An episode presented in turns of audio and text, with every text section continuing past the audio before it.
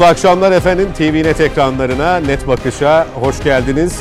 Tarihimizin en önemli dönüm noktalarından birini teşkil eden Büyük Taarruz'un büyük zafere ulaştığı 30 Ağustos'un yıl dönümünde, Büyük Zafer'in yıl dönümünde bir başka deyişle yeni sezonun ilk net bakışına başlıyoruz. Bu vesileyle başta Gazi Mustafa Kemal Atatürk olmak üzere tüm kahramanlarımızı saygı ve minnetle yad ediyoruz. Evet, Net Bakış'ın konuklarını tanıtayım hemen sizlere. Her programda olduğu gibi Mete Yarar, savunma ve güvenlik politikaları uzmanı bizimle birlikte. Hoş geldiniz Çok Mete teşekkürler. Yarar. İyi bir sezon diliyoruz. Aynen öyle, aynen öyle. AK Parti Merkez Karar Yönetim Kurulu üyesi Sayın Mücahit Birinci yine bu sezon bizimle birlikte. TVNet ekranlarında Net Bakış'ta daimi konuğumuz. Mücahit Bey siz de hoş geldiniz. Sağ olun, teşekkürler. Ve yeni bir isim programa da e, son olarak katıldı. Nedim Şener gazeteci evet, yazar. Bizimle birlikte bu sezon artık Net Bakış'ta pazartesi akşamları. Nedim Bey siz de hoş geldiniz. Teşekkür ederim sağ olun. Ve e, uzaktan bir bağlantıyla siyasetçi yazar Ufuk Uras da bize katılacak bu akşam itibariyle. Sayın Uras duyabiliyor musunuz beni? İyi yayınlar, iyi akşam. Teşekkür ediyoruz. Siz de hoş geldiniz. Sağ olunuz. Ufuk Bey, Ufuk Bey şeyden bağlanıyor. Skype'den. Ee, hayır hayır. Paşa, Paşa, Paşa ne diyor? Paşa, Paşa, Limanı'nda. Limanı'ndan bu sefer İstanbul'dayım. Hay Allah hocam. Orada olsaydınız biraz gösterin o bölgeyi diyecektim. Size karşı köydenmişsiniz. Aynen galiba. Gündoğdu'danım ben de. Peki e, Mete Yarar hem bağımsızlık mücadelesi hem de aslında bağımsızlığın başlangıcı 30 Ağustos dünya tarihine geçmiş bir zaferden söz ediyoruz. Aslında 1922'nin yıl dönümünü konuşuyoruz ama 1922'yi anlamak, daha iyi anlamak ve anlatmak adına belki daha öncesine gitmek, 1919'a gitmek gerekiyor. Bir başka deyişle işgal günlerine bütün yokluklara ve imkansızlıklara rağmen e, millet olma bilincini e, o dönemde görüyoruz ve bu bilincin sürekli diri tutulmasıyla aslında bir zafere ulaşıldığını da ulaşıldığına da tanıklık ediyoruz. E, şayet bu olmasaydı, birazdan bunu bu günümüze bağlayacağım ama şayet bu ruh olmasaydı, bu dirilik olmasaydı bu destansı mücadele yazılabilir miydi? Çok güzel bir soru. Ee, soruna bir şey ekleyerek devam edeyim. Tam da sorumla ilişkili. Atatürk bu yolculuğa çıkarken inandığı tek bir şey var. O da halk. Halkın kendisi. Yani bir sürü şey yoklukta var. Yani imkanlar yok. O dönemde yaşananları biliyor. İnsanların elinde avucunda olmadığını da biliyor. Savaştan yorulduğunu da biliyor. Ama ona rağmen halka güveniyor. Halka güvenen hiçbir lider hiç kaybetmemiştir biliyor musunuz hayatta? Yani inancı eğer halktan alıyorsa hiç kaybetmemiştir. Ben onun o sözünü 19 Mayıs'a çıkarken ki ona sorduklarındaki soruyla hep özleştiriyorum. Bu millete inananlar hep kazanacaklar. Yani bugünü okumak istiyorsak, bundan sonrasını da okumak istiyorsak, ta o geçmişte, o günlerde Atatürk'ün bu yola çıkarken ki kendinde güç bulduğu, iman bulduğu şeyin bu toprağın vatandaşları olduğunu unutmayalım. Ve onlar öyle bir zaman geliyor, öyle bir konuma geliyorlar ki ellerinde ne varsa, avuçlarına ne varsa veriyorlar. Ve en son e, canlarını da vererek bu topraklarda, bu topraklara bizim yaşayabileceğimiz yer haline dönüştürüyorlar. Başka bir şey daha var. Atatürk düşmanlarını da çok iyi tanıyor. Yani o kadar çok savaşmış ki e, Libya adasından tutun, işte e, Çanakkale'sinden tutun, işte Suriye tarafına tutun, cepheler tutun, gezdiği bütün coğrafyalarda artı şey olarak, ateşi olarak bulunduğu, eğitimler için yurt dışına gittiğinde emperyalistleri de biliyor. Hangi politikayla geleceklerini de biliyor. Hangi politikaları yıldıracağını da biliyor. Onların oyunlarını da biliyor, tezgahlarını da biliyor. Ve oyun kurmayı da e, müthiş bir beceriyle yönetebiliyor.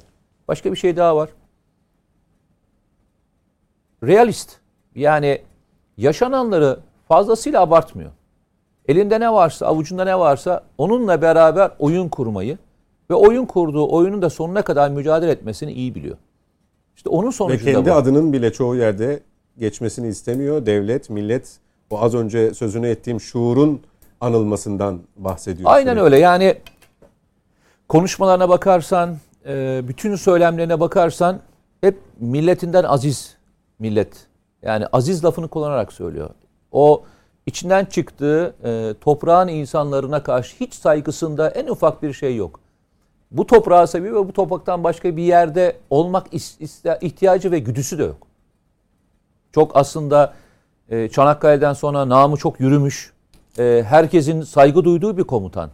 E, Birçok kişi ismini duyuyor ve biliyor. Anadolu'da da biliyorlar. Zaten Anadolu'ya geçtiğinde bu olaylara başladığında yani e, Kurtuluş Savaşı'na başladığında o geçmişte yaptığı gücü de inanıyor.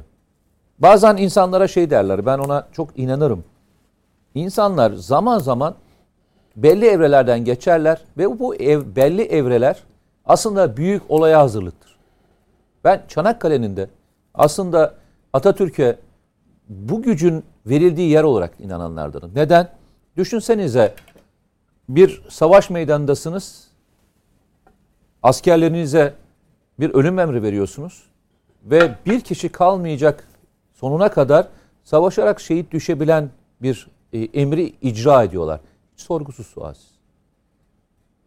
Orada yaşadıkları, orada gördükleri bu e, milletin vatan toprağını ne kadar sevdiğinin inancı aslında kendisinin de gücünü arttırıyor. O yüzden Anadolu'ya geçtiğinde başaracağına inanıyor. Ben de her zaman işte Nedim'le bir e, çok konuşuruz. Memleket Aşkına diye programımızın ismi var bir tane. O programda hep şunu söyleriz. Tek inandığımız şey bu yüce millet. Çünkü bu yüce milletin elinden hiç kimseyi alamazsınız. Eğer bir şey yapmak istiyorsa, azimle yapmak istiyorsa hep başarmıştır. İnanacağınız yer tek burası. Bu toprakların, bu toprakların insanları. Bu toprakların imanı, bu toprakların güzellikleri, bu toprakların işte ne diyeyim birbirine gösterdiği şefaati, birbirine gösterdiği inancı, birbirine gösterdiği saygısı bu toprakların. Başka bir yerden devşirdiğinizde birazdan geçeceğiz. Afganistan gibi olursunuz. Ama Peki. bu toprakların insana inanırsanız bu ülkenin lideri olursunuz. Bu ülkenin insanı olursunuz. Emperyalizmle mücadele böyle bir şey. Emperyalizmle mücadele etmek istiyorsanız toprağınıza inanacaksınız. Atatürk toprağına inandı. Bu ülkenin insanlarına inandı. Ve onlarla beraber başardı. Biz Atatürk'ün ismini sayıyoruz. Tabii onunla beraber silah arkadaşları ve onunla beraber bu yola çıkan o dönemin beraber savaştığı şehitleri, gazileri ve askerleri. Bize toprak yapanlar, bize vatan yapanlar onlar. Allah hepsinden razı olsun. Bildiğim kadarıyla son Kurtuluş Savaşı gazisi de e, hayatını kaybetti diye biliyorum. Kurtuluş Savaşı'ndan şu anda e, savaşa katılan kimse kalmadı diye biliyorum. Gazi madalyası olan kimse kalmadı diye biliyorum. Hepsi Allah'ın rahmetine kavuştular. Dualarımız onlarla. Peki. Mücahit Birinci e, bu aslında küllerinden doğmak, e, bir e, ruh, bir bilinç dedik. Bugün aynı noktada mıyız? Yani o ruhu e, yansıtacak unsurları görüyor musunuz? Böyle böyle bir şeye şahitlik ediyorum der misiniz? Evet. Şimdi öncelikle e, milletimizin, aziz milletimizin 30 Ağustos Zafer Bayramı'nı tebrik ediyorum. Başta Gazi Mustafa Kemal Atatürk olmak üzere silah arkadaşlarını saygıyla, minnetle yad ediyorum. Bu tabi bir e, kurtuluş mücadelesidir. Tam adı üstündedir. E, bu işte Malazgirt'le beraber yurt edindiğimiz Anadolu'nun ellerimizden çıkma tehlikesiyle, beka tehlikesiyle yani Türk ana yurdunun e, Türksüzleştirilmesi noktasındaki operasyona milletimizin son e, atılacak kurşunuyla direnmesi hadisesidir. Bu 30 Ağustos hadisesi. Ve e, nihai zaferdir. Bitiriş hamlesidir. E, çok önemlidir tabii yani. E, bu Yunanların işte Bursa'da Osman Gazi'nin e, kabrini tekmelediğini, o onları yanında, o kabrin yanında Yunan komutanın içki içtiğini bunları biz öğrendik, bunları okuduk, bunları biliyoruz. Bunlar vaka. Şu anda bize hayal gibi gelebilir ama düşünsenize. Kuruluş bir başka kurucu unsurun Mustafa Kemal Atatürk gibi tıpkı bir devlet kurucusunun Osman Gazi'nin kabri e, tekmelendi. Onun kabrinin başında içki içildi. Dolayısıyla bu hadise e, böyle e, işte e, gevelenip geçiştirilecek bir hadise değildir. Bu hadise milletin topyekun bir diriliş hamlesidir, bir kurtuluş hamlesidir. Evet o kurtuluş hamlesinin bir örneğini de biz tabii çok yakın zamanda gördük. E, bu o da bir kurtuluş e, hamlesiydi benim kanaatime göre. Şimdi e, bu ruh var mı dediniz? Elbette ki bu ruh var. Bu bence bu ruh gerek okumalarla, gerek genetik, aktarımlarla, gerek içtiğimiz menba, içtiğimiz menba ve kaynak dolayısıyla bu ruh e, bizim nesile olduğu gibi gelecek nesillere de aktarılıyor. Bu çok farkında olarak yapıla, yapılan bir şey değil. Fakat öyle kritik zamanlarda milletimiz öyle refleksler gösteriyorlar ki işte 15 Temmuz'da gösterdiler. Milletimiz o refleksi göstererek bu FETÖ'cü alçakların e, işgal girişimine karşı ve ona bağlı işte CIA'ya bağlı bir takım unsurların işgal girişimine karşı milletimiz tıpkı 30 Ağustos'ta olduğu gibi çok daha kısa sürede çok daha kısa sürede e, nihai zaferi elde etti. Yani sabah 06.07'ye doğru iş bitmişti. Ama tabii burada işte dirayetli lider gerekiyor. Yani e, toplumun örgütlenmesi noktasında bir lidere ihtiyaç var demek ki bu. E, Türk milletinin hasletlerinden bir- biri de budur. Liderin arkasında kenetlenmesidir. Bu hassas kritik günlerde. Mesela o zaman işte Mustafa Kemal Atatürk arkasında kenetlenildi. Atatürk arkasında ondan yüksek rütbeli olmasına rağmen Kazım Karabekir dahi e, onun e, emir ve talimatlarına girdi ve e, kendi başında bulunduğu kol orduyu Mustafa Kemal'in hizmetine tahsis etti. O, o mesela çok kritik hamledir. Dolayısıyla o zamanları anarken de bu komuta kademesini e, 2. Abdülhamit'in okullarından yetişmiş pozitif bilimlerin hemhal olup pozitif bilimlerle hemhal olan bu komuta kademesinin ağırlığını ve liderliğini hiç unutmamak lazım. Bunların hepsi çok değerlidir o komutanların. İşte bu zamana geldiğimizde de e, Recep Tayyip Erdoğan Sayın Cumhurbaşkanımızın e, 15 Temmuz gecesi silah tehdidi altındayken yani ölümle burun burunayken e, yaptığı o işte e, İstanbul'a gelmesi havaalanından e, şeyden Marmaris'ten kalkıp İstanbul'a gelmesi hadisesi öyle azımsanacak bir hadise değildir. İşte milletinden e, meydanları, parkları doldurmalarını istemesi, darbeye karşı direnmesi direnmesini istemesi hadisesi de öyle azımsanacak bir şey değildir. Dolayısıyla e, bu tür e, liderler, bu tür liderlikler e, tabiri caizse memleketin bekası için, vatanı, devleti ve milleti için e, kelleyi koltuğa almış liderlerdir. Yani bu iş böyle kel, ya Türkiye Cumhuriyeti Devleti'nde böyle bir liderlik ortaya koymak istiyorsanız kelleyi koltuğa almaktan başka çareniz yoktur. Bakın geçen bir belgesel seyrettim. Rahmetli Adnan Menderes'le alakalı ki o da kelleyi koltuğuna almış, al- almış liderlerimizden biriydi. E, Adnan Menderes'in e, asılmaya götürüldüğünde dahi üzerinde işte sigara yanıklarının olduğunu, vücudunda sigara yanıklarının olduğuna dair e, onu yıkayan, e, naaşını yıkayan zatın beyanları var. Yani böyle bir şeyle örnekle karşı karşıyadır. Türkiye Cumhuriyeti Devleti'ni yönetmeye talip olan insanlar bu tür örneklerle karşı karşıyadır. İşte bu örnekleri, bu tehditleri kırmak liderlik ister, cesaret ister. Ee, inşallah bizim de e, millet olarak e, elbette ki bundan sonra Allah bize o günleri bir daha yaşatmasın, göstermesin. Allah 15 Temmuz gibi bir e, geceyi daha nasip etmesin bu aziz millete.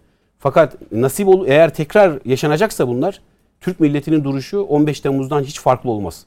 Hiçbir siyasi eğilimi burada ayırt etmiyorum bakın.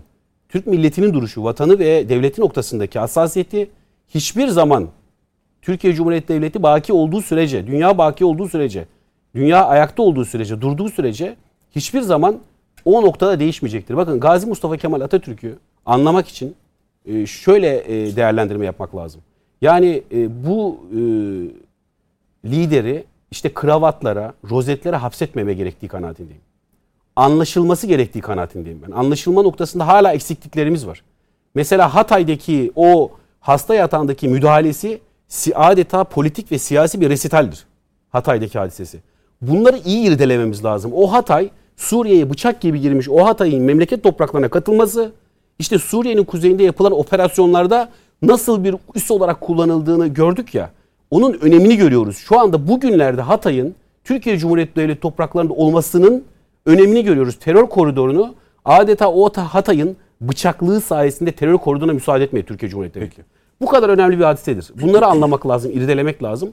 Yoksa e, bunu bir kalkan olarak kullanıp arkasından siyaset gütmek elbette ki e, Mustafa Kemal Atatürk'e de faydalı, onun anısına da faydalı ve yararlı bir iş değildir.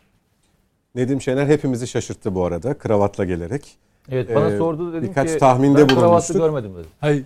e, Bir de ilk defa alt üst takım olan bir elbise giydim. Ben de ilk defa görüyorum seni. Bu da şundan dolayı ben yıllarca 30 55 yaşındayım. 30 yıllık gazetecilik yapıyorum. E, Bugüne kadar hiçbir siyasi parti kongresine çağrılmadım.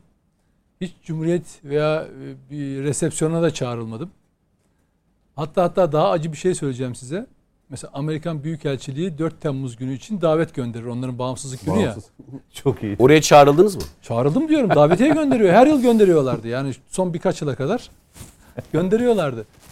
Başka, elçilik, başka ama- elçilikler gönderiyordu.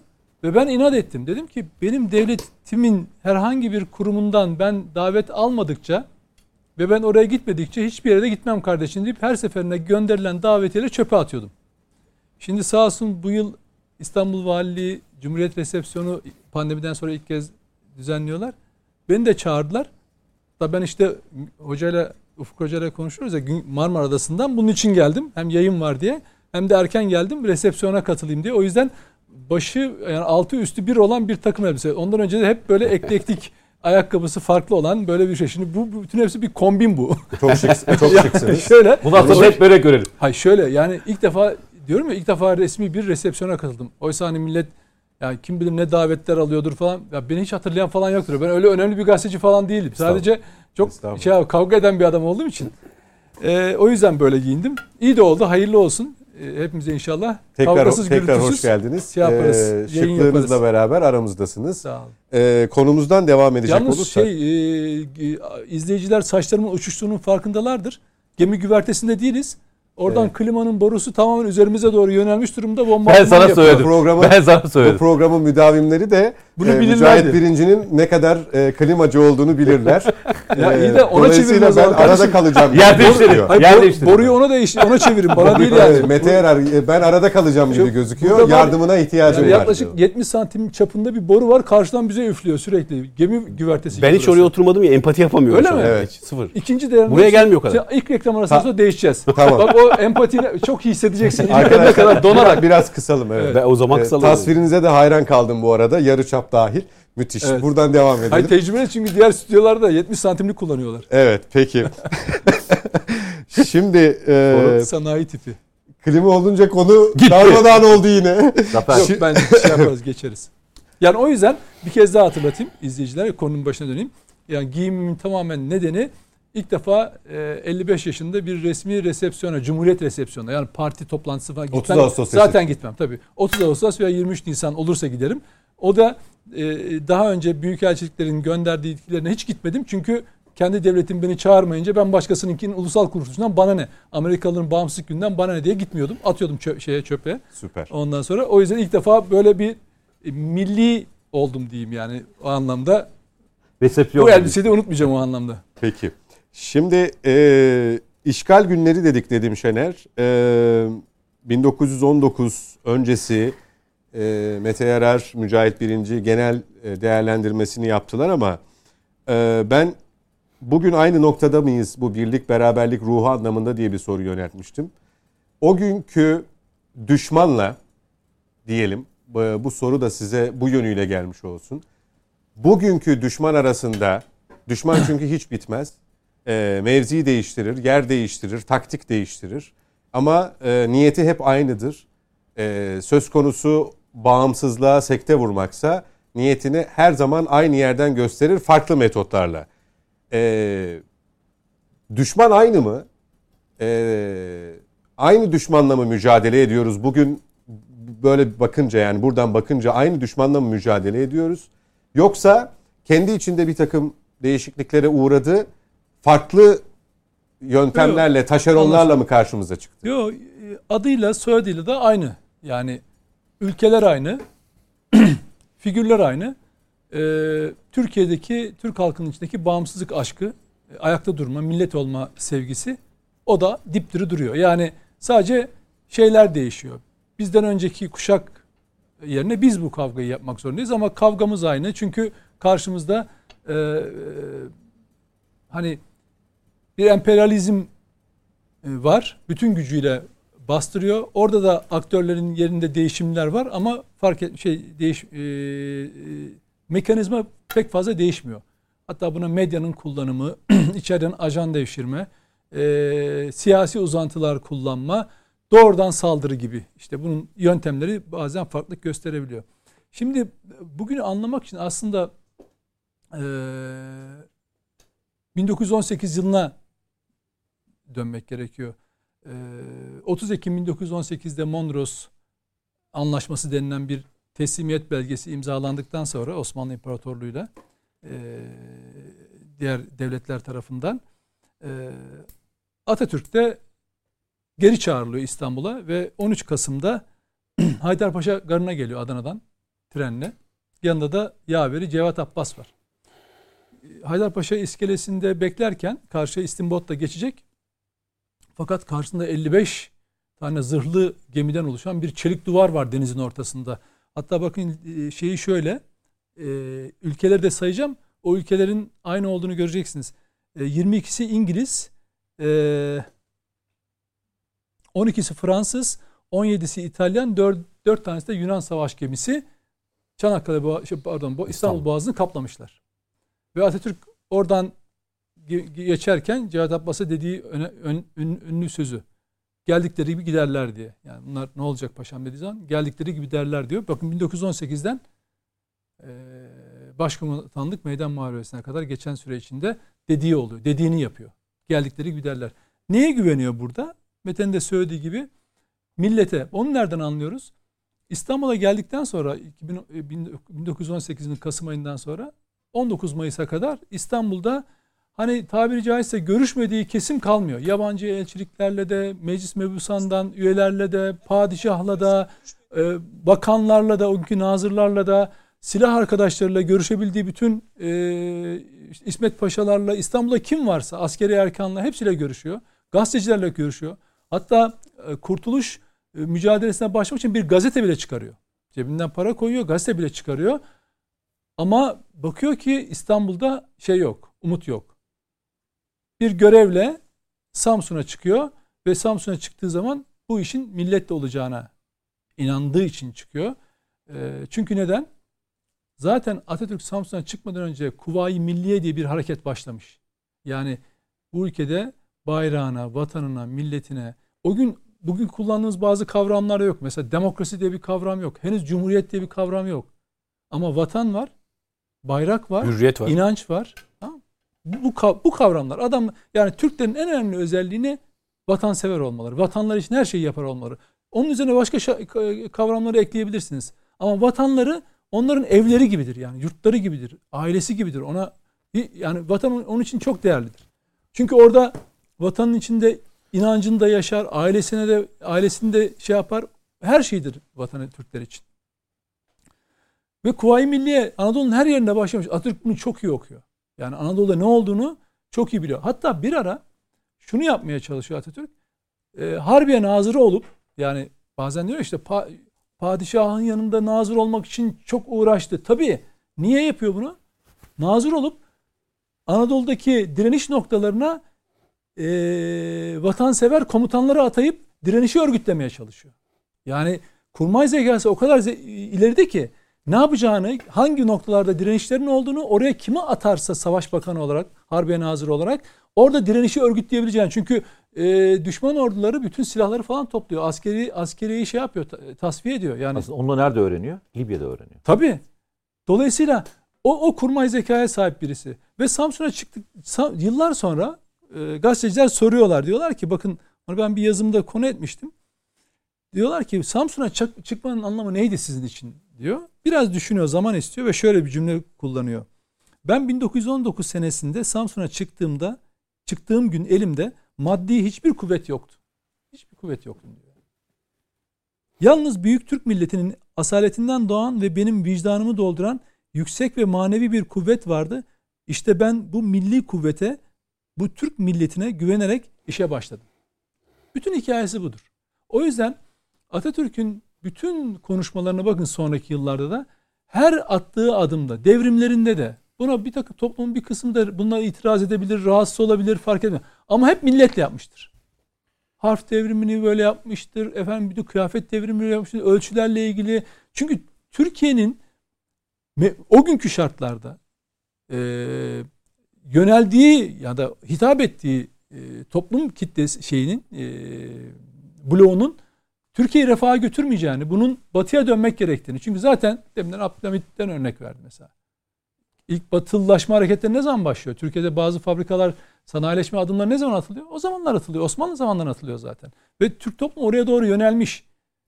Ve En önemlisi e, ulusalcı e, değerleri oradaki yaşanmış devrimlerden, Fransız devrimlerinden, işte Ziya Gökalp'lerden almış, sosyolojiden almış, toplumdan almış ve e, Türk toplumuna nakşetmiş ve bunu başarmış. Bir millet yaratmış. Şimdi deminden bahsettiğim hani o vatanseverliğin üzerine Türk milleti kavramını oturtuyor. O güne kadar Türk milleti diye hitap eden var mı Anadolu'da yaşayan insanlara? Yok. Türkler diyorlar ama Türk milleti kavramı yok. Ve biz birçok etnik gruptan oluşmamıza rağmen bir Türk milleti şuuru ve Atatürk bunu en sonunda nasıl güzel taçlandırıyor şu cümlesiyle.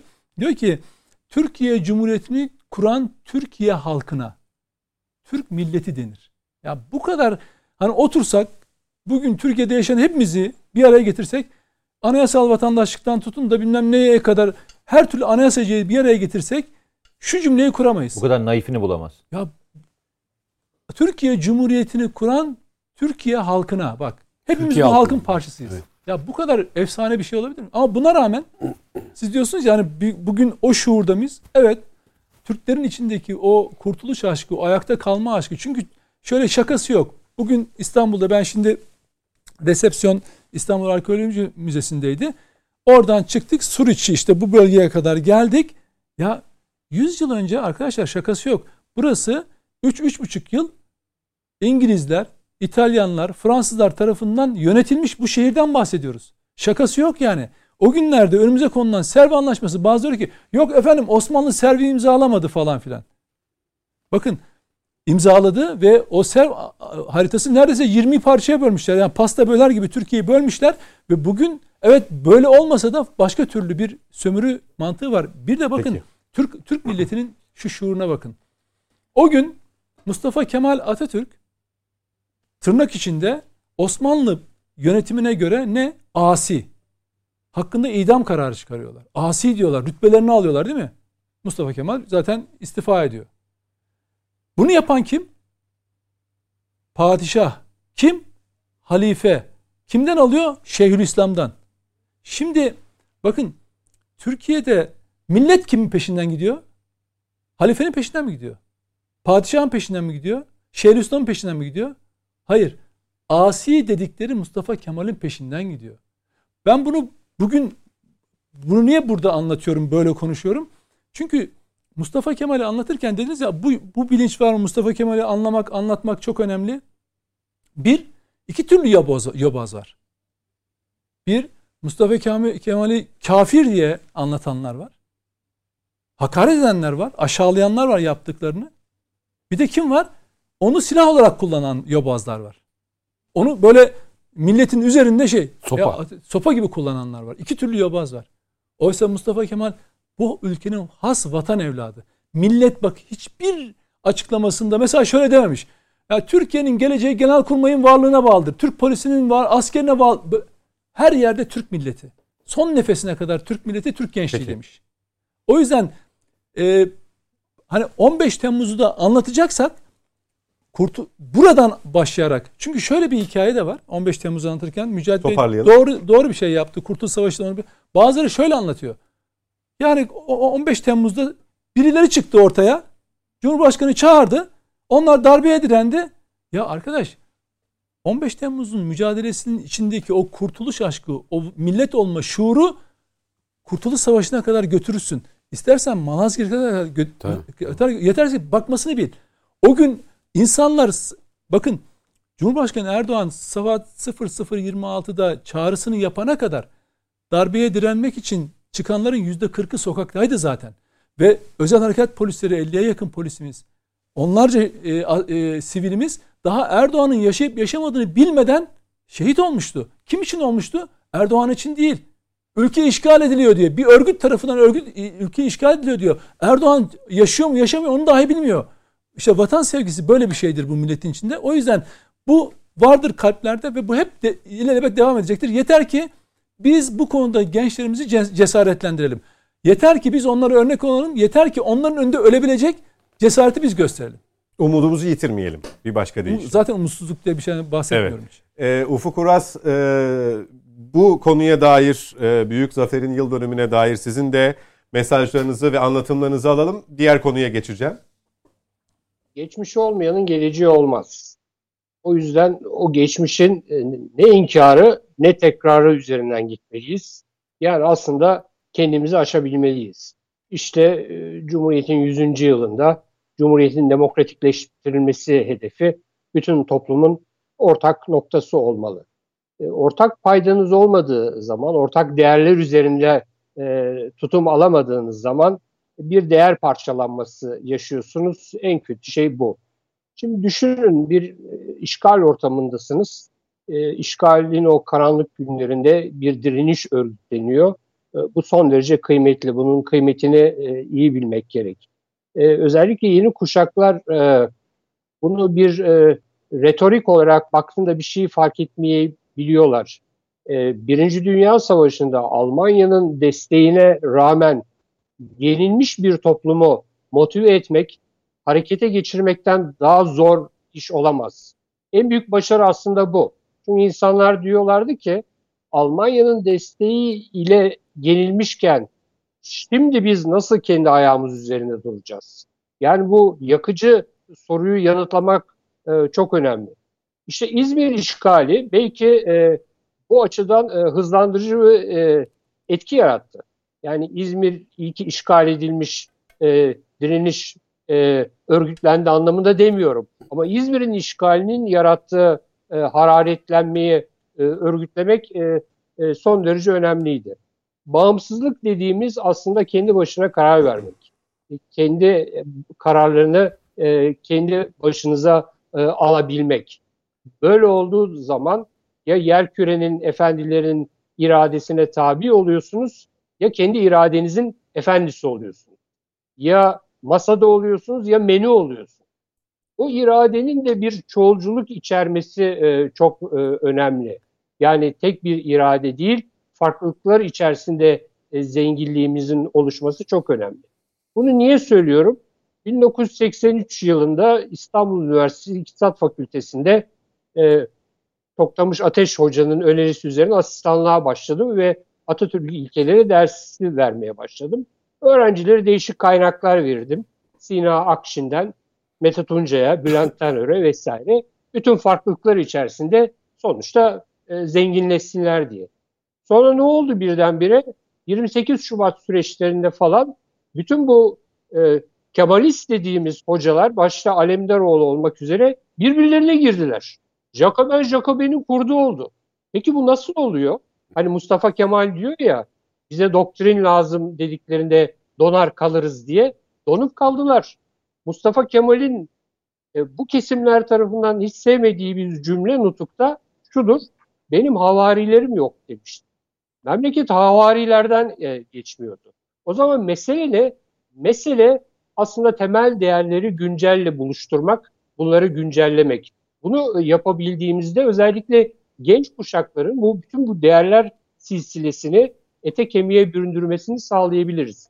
O yüzden 30 Ağustos'un yani işgale karşı e, topyekün direnişin örgütlenmesiyle 15 Temmuz işgal ve darbe girişimi arasında tabii ki bağlantı var. O akşam beni arayan yabancı gazetecilerin sorduğu şu, hatırlarsınız çatışan taraflar ifadesini kullanırlardı. Bu e, girişimi yapanların arkasında kim var? Kim olduklarını bilmiyorum demiştim o saatte ama halkın olmadığı kesin. O yüzden halka dayanmak ve bir meşruiyet e, zeminde e, hareket etmek e, son derece önemli. Yani sözünüzü e, e, örgütlerken e, toplumun tümüyle e, seferber edilmesi önemli. İşte ulus inşa e, süreci de e, büyük ölçüde böyle oldu. Yorgun bir halk e, bu şekilde e, motive e, edildi.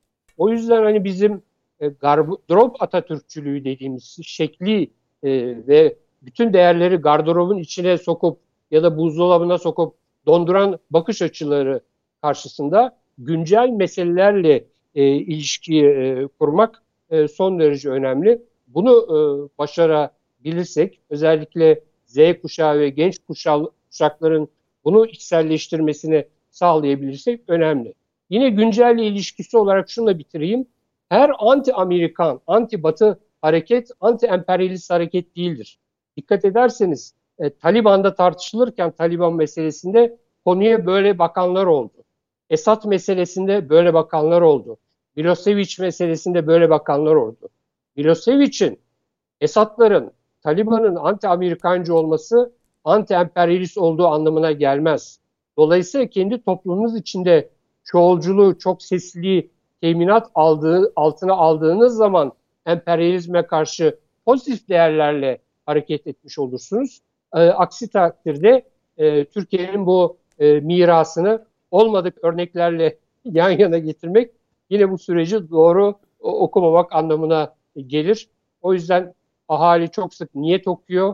Niyet okumak yerine e, kitap okumak, e, kendi tarihimizi doğru düzgün okumak hakikaten bu bilgilerin aktarılması ve yeniden üretilmesine çok önemlidir diye düşünüyorum. Peki Sayın Uras teşekkür ediyoruz bu bölüm için. Bu ara en iyi yaptığınız şey herhalde niyet okumak.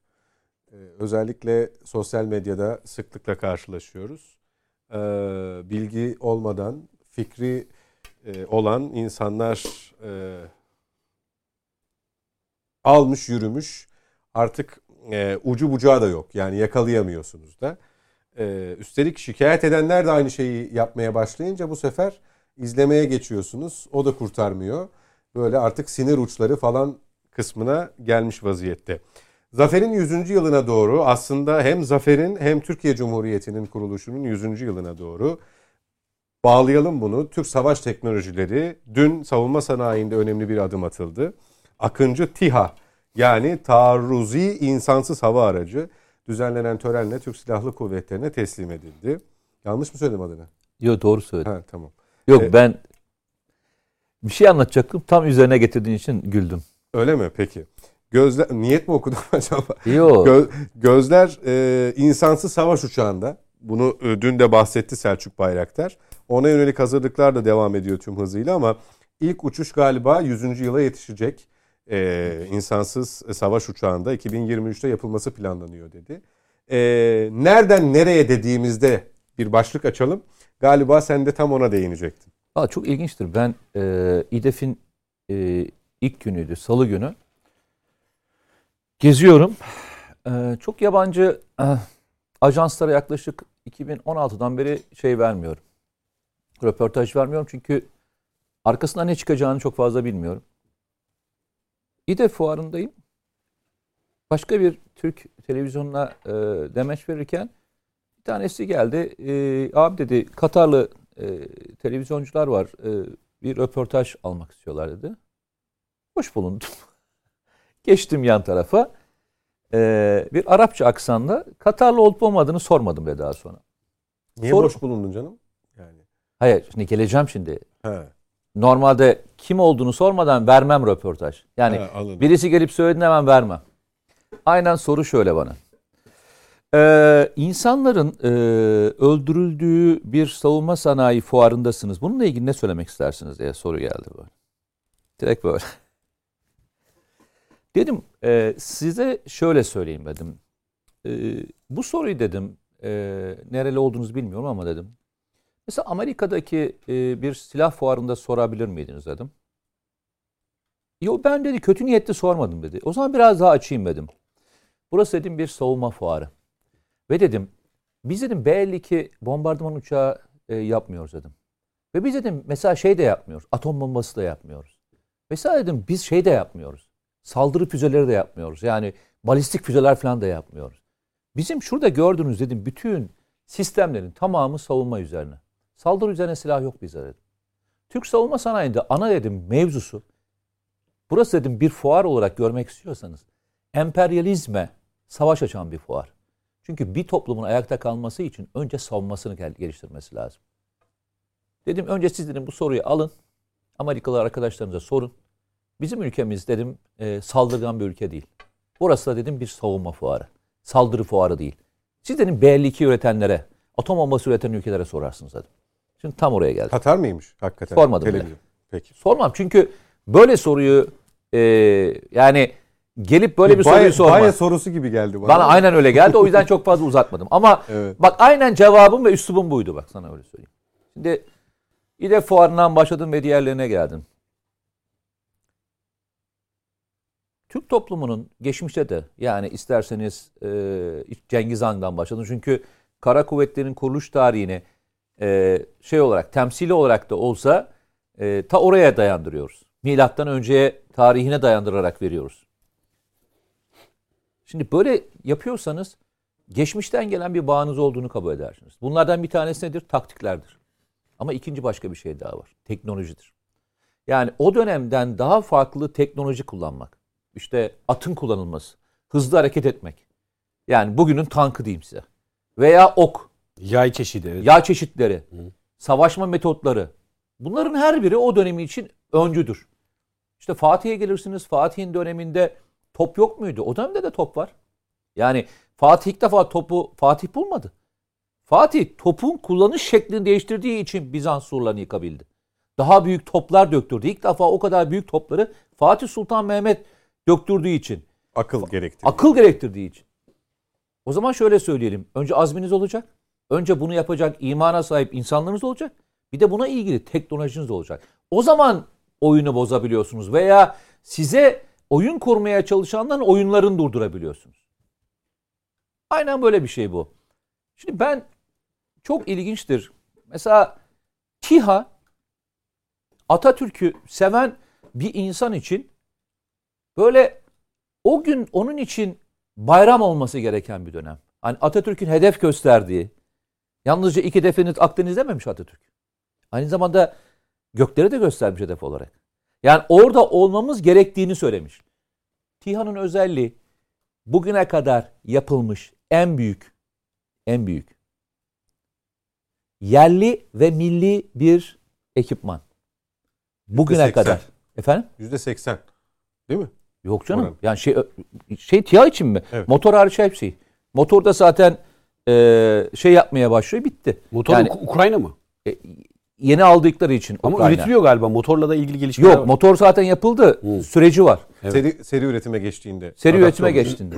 Yoksa motorun aynısı e, şeyde yapılıyor. Teyide yapılıyor. Şunu söylemeye çalışıyorum. Siz bundan mutluluk duyarsınız. Ya ben bir şey söyleyeyim mi? Emperyalizme mücadele eden, özellikle çevremizdeki bütün ülkelerin birer birer yıkıldığı, toprak kaybettiği bir dönemde ayakta duran, hatta kendi ortaklarının da hayatını kurtaran, Azerbaycan Karabağ'ını 30 yıl sonra kurtaran, Trablus düşmek üzereyken e, 7 kilometreye kadar gelmişken dengeye getiren, yarısını tekrar kurtaran, oraya kadar gelen daha da ilerleyecekken duran, Katar'ı işgal edilmek üzereyken kurtaran bir devletin emperyalizme yaptığı, emperyalizme beraber yaptığı mücadelenin içerisinde çok farklı bir oyun kurucu bir hamle daha yapıyorsunuz. Ben bir şey söyleyeyim mi? Muhalefetten Çiha'yla ilgili kutlama mesajı yayınlandığını gördünüz mü? Çok şey bekliyorsun. Babamızın babamız için mi yapıldı? Yani babamıza hani Sayın Erdoğan için mi yaptılar? Yani Sayın Erdoğan için mi yapılan bir TİHA'dan bahsediyoruz? Hani biz çok şey duyduk. S-400 için de duyduk. S-400'ü saraya aldı dendi de TİHA'yı da e, saray için almamışlardır herhalde değil mi? Ya hiç insan bir ülkenin e, önemli bir ekipmanını ve bu önemli ekipman yaklaşık 2015'ten beri binlerce askerimizin belki göreve gidip şehadete ulaşması gereken operasyonları üzerinden aldığını bilirken oyun bozucu hamleler yaparken bunun sayesinde birçok oyun bozucu hamleyi buradan yaptığımızı bilirken Doğu Akdeniz'de kardeş dediğimiz, milliyetçi olduğumuz, onlarla beraber aynı kandan geldiğimizi düşündüğümüz Azerbaycan toprak kurtulmasında fayda sağlarken hiç bununla ilgili bir tek kelime ettiniz mi? Bence bir şey söyleyeyim mi? 30 Ağustos için bundan daha güzel e, Türk e, halkına hediye hediye olamaz. olamaz. ya. Özellikle 29 Ağustos seçilmesi de bence çok anlamlı. Yani zaferden bir gün önce sana alın Evet. hediye diyorsun ya. Atatürk'ün çok güzel bir lafı var. Ben çok severim o lafı. Diyor ki bu vatanı en çok sevenler en çok hizmet edenlerdir diyor. Bak. Tamam. Doğru Çok doğru bir laf. Arkadaş al hizmet eden bir adam var. Ve bu hizmet eden insan size müka- mükemmel bir hediye veriyor. Ve bu mükemmel hediyeyi yabancı basın aynen şöyle söylüyor. Dünyadaki 3 ülkeden bir tanesi haline geldi bu teknolojiyle. Bu yaptığı en son teknolojiyle 3 ülkeden bir tanesi haline getirdin. Atatürk Sana hedef göstermiş ya. İlkini başarmışız. İlk hedefimizi Akdeniz'deymişiz ve gerçekten Yunanlı'yı Akdeniz'e dökmüşüz. Al sana ikinci hedef. Yani teknolojik anlamda gösterdiği hedefe dünyadaki ilk, ilk ülke arasına sokacak bir teknolojiyi kendi yerli ve milli imkanlarına yapıp hediye ediyorsun. Arkadaş bir tane eczane tık çıkmıyor. Yani siyaset yapmayayım diyorum, uzak durayım diyorum. Yani benim işim değil diyorum ama ya arkadaş nasıl oluyor ya? Bu kadar nasıl hani e, tutucu oluyorsunuz ya? Yo, bu yaptığınız siyaset değil, rasyonelite bu. Ya ama ben hayır. Hani Siyasete Ya- girmeyeyim. girmeyeyim diyorum. Yani bulaşmayayım diyorum ya. Gerek yok diyorum hani anlat işini diyorum ama Demişse gerçekten demiştir, dememişse dememiştir diyeyim ya diyorsun. bana ne diyorum ama ama inan o kadar ağrıma gidiyor ki ya başkası olsa madalya takıyor işte Azerbaycan devleti madalya taktı. Doğru. Madalya taktı. Belki birçok ülke madalya takacak da makam, pozisyon olduğu için takmıyor. Ya kendi ülkende böyle bir e, şeyi e, teknolojiyi hayata geçiriyorsun ve kendi imkan kabiliyetlerine bunu yapıyorsun. Ya bir tık yok ya. Peki. Mücahit Birinci ile devam edeyim. Senin bıraktığın nokta çünkü çok önemli bir nokta. Bu tepkisizlik aslında bugünün meselesi değil. Daha önceki örneklerinde de biz buna tanıklık etmiştik. Dış basın özellikle Amerika Birleşik Devletleri ve Fransız basınında çıkan haberler bugün bizim gündemimizde de yer aldı. Gün boyu aktardık. Sitayişle bahsediliyor. İlk olduğundan alanında söz ediliyor ve hakkı teslim ediliyor. Ama e, bu işe Cumhurbaşkanı, Cumhurbaşkanının damadı, işte bunun arkasında acaba ne var? Bu gerçekten başarı mı ki? Falan endişesiyle bakıp hiçbir fikir belirtmeyen, hani tebriği, e, takdiri vesaireyi geçtik. E, tamamen kayıtsız kalan diyelim. Bir muhalefetle karşı karşıyayız. E, neye bağlıyorsunuz bunu? Şimdi e, öncelikle tabii e, emeği geçenlerden Allah razı olsun demek lazım. Biz dua ediyoruz. Bu teknoloji üretenlerden, onun, o e, faaliyetin içinde bulunanlardan, o projenin içinde bulunanlardan, e, en tepesinden en aşağısına, çaycısına kadar hepsinden Allah razı olsun. Bu millet onları şükranla yad etmeyebilir, yad edecektir. Bırakınız onları, bu bunları dile getiremeyenleri bir tarafa bırakınız, muhalefeti bir tarafa bırakınız. Milletimiz, milletimizin eli onlara karşı dualıdır. Onu net bir şekilde ifade edeyim. Milletimizin kahir ekseriyeti bu meselede çok ciddi sevinç duymuştur. Biz bunu gördük. Şimdi tabii bu hadise böyle kolay gelinmiyor. Mete Bey de biraz önce izah etti. Bu bir vizyon meselesidir, bir irade meselesidir ve aynı zamanda da vatan sevgisi meselesidir. Bunlardan üçü eksik olunca bu tür faaliyetlerde bulunamazsınız. Yaptırmazlar. Yaptırmazlar. Yıllarca yaptırmadılar zaten size. Cesareti de unutmamak lazım. Bravo. Cesur. Cesaret aynen. Şimdi e, yaptırmadılar. E, cesur oldunuz ve yaptınız ondan sonra. Yıllarca yaptırmadılar. Bunlara çabalayanlar, bunları isteyenler, memleketin gelişmesini isteyenleri milletin gözü önünde o yargılama denilen sirklerde yargılayarak, sirklerdir onlar. O sirklerde yargılayarak milletin gözü önünde astılar. Dolayısıyla e, hakikaten dediğiniz gibi, ifade ettiğiniz gibi cesaret de bu e, şeyde, vizyonda çok önemlidir. Türkiye Cumhuriyeti Devleti uzun süredir başka bir perspektif, yakın coğrafyasına, medeniyet coğrafyasına ve fikir coğrafyasına hiçbir zaman ondan ayrılamayacağı. Bakın siz kaçsanız o coğrafya sizi arkanızdan kovalar. Çünkü yüzyıllarca, yüzyıllarca coğrafyaya önderlik etmişsiniz. Emperyalizm manasında değil, adalet manasında önderlik etmişsiniz coğrafyaya. Ve o önderlik sizden hala bekleniyor işte. Bundan kaçamayacaksınız. Dolayısıyla tarihinizden tarihinizden kompleks duymayın. Osmanlı Devleti'nin, Osmanlı İmparatorluğu'nun büyüklüğünden kompleks duymayın. Osmanlı Devleti'nden o, o, o küllerden doğan Türkiye Cumhuriyeti Devleti'nin kurucu unsurlarından, kurucu iradesinden, kurucu felsefesinden de kompleks duymayın. Biz bir şeyi hedefledik. Bakın e, çok hedef çok ortada. E, Sayın Yarar biraz önce ifade etti. Aynı zamanda Mustafa Kemal Atatürk bir vizyon daha ortaya koyuyor Atatürk. Diyor ki e, muasır medeniyet seviyesinin üstünü yakalamak. Onlarla mücadele etmek, onlarla yarışmak. Rekabetçi bir ortamda onlarla yarışmak. İşte tam olarak bu yapılıyor şu anda. Tam olarak bu yapılıyor. Yani biraz önce burada ifade edildi. İşte Ufuk Bey ifade etti. Dedi ki e, rozet Atatürkçülüğünden, gardırop Atatürkçülüğünden kurtulmak lazım dedi. Şu anda e, fikirleri bir hakkın tat- tatbik eden hangi siyasi irade? Ben çok net bir şekilde so- soruyorum. Yani Atatürkçülük heykel dikmek veya rozet takmak veya kravatta onun resmini bulundurmak değil ki. Damal Dağı'nda onun figürünü beklemek değil ki Atatürkçülük. Atatürkçülük işte bu muasır medeniyet seviyesini yakalamak için rekabetçi olmaktır. Bu teknolojileri üretmektir asıl işte Atatürkçü. İlkeler bunlardır. Dolayısıyla bu ilkeleri bir hakkın yerine getiren siyasi irade de bellidir.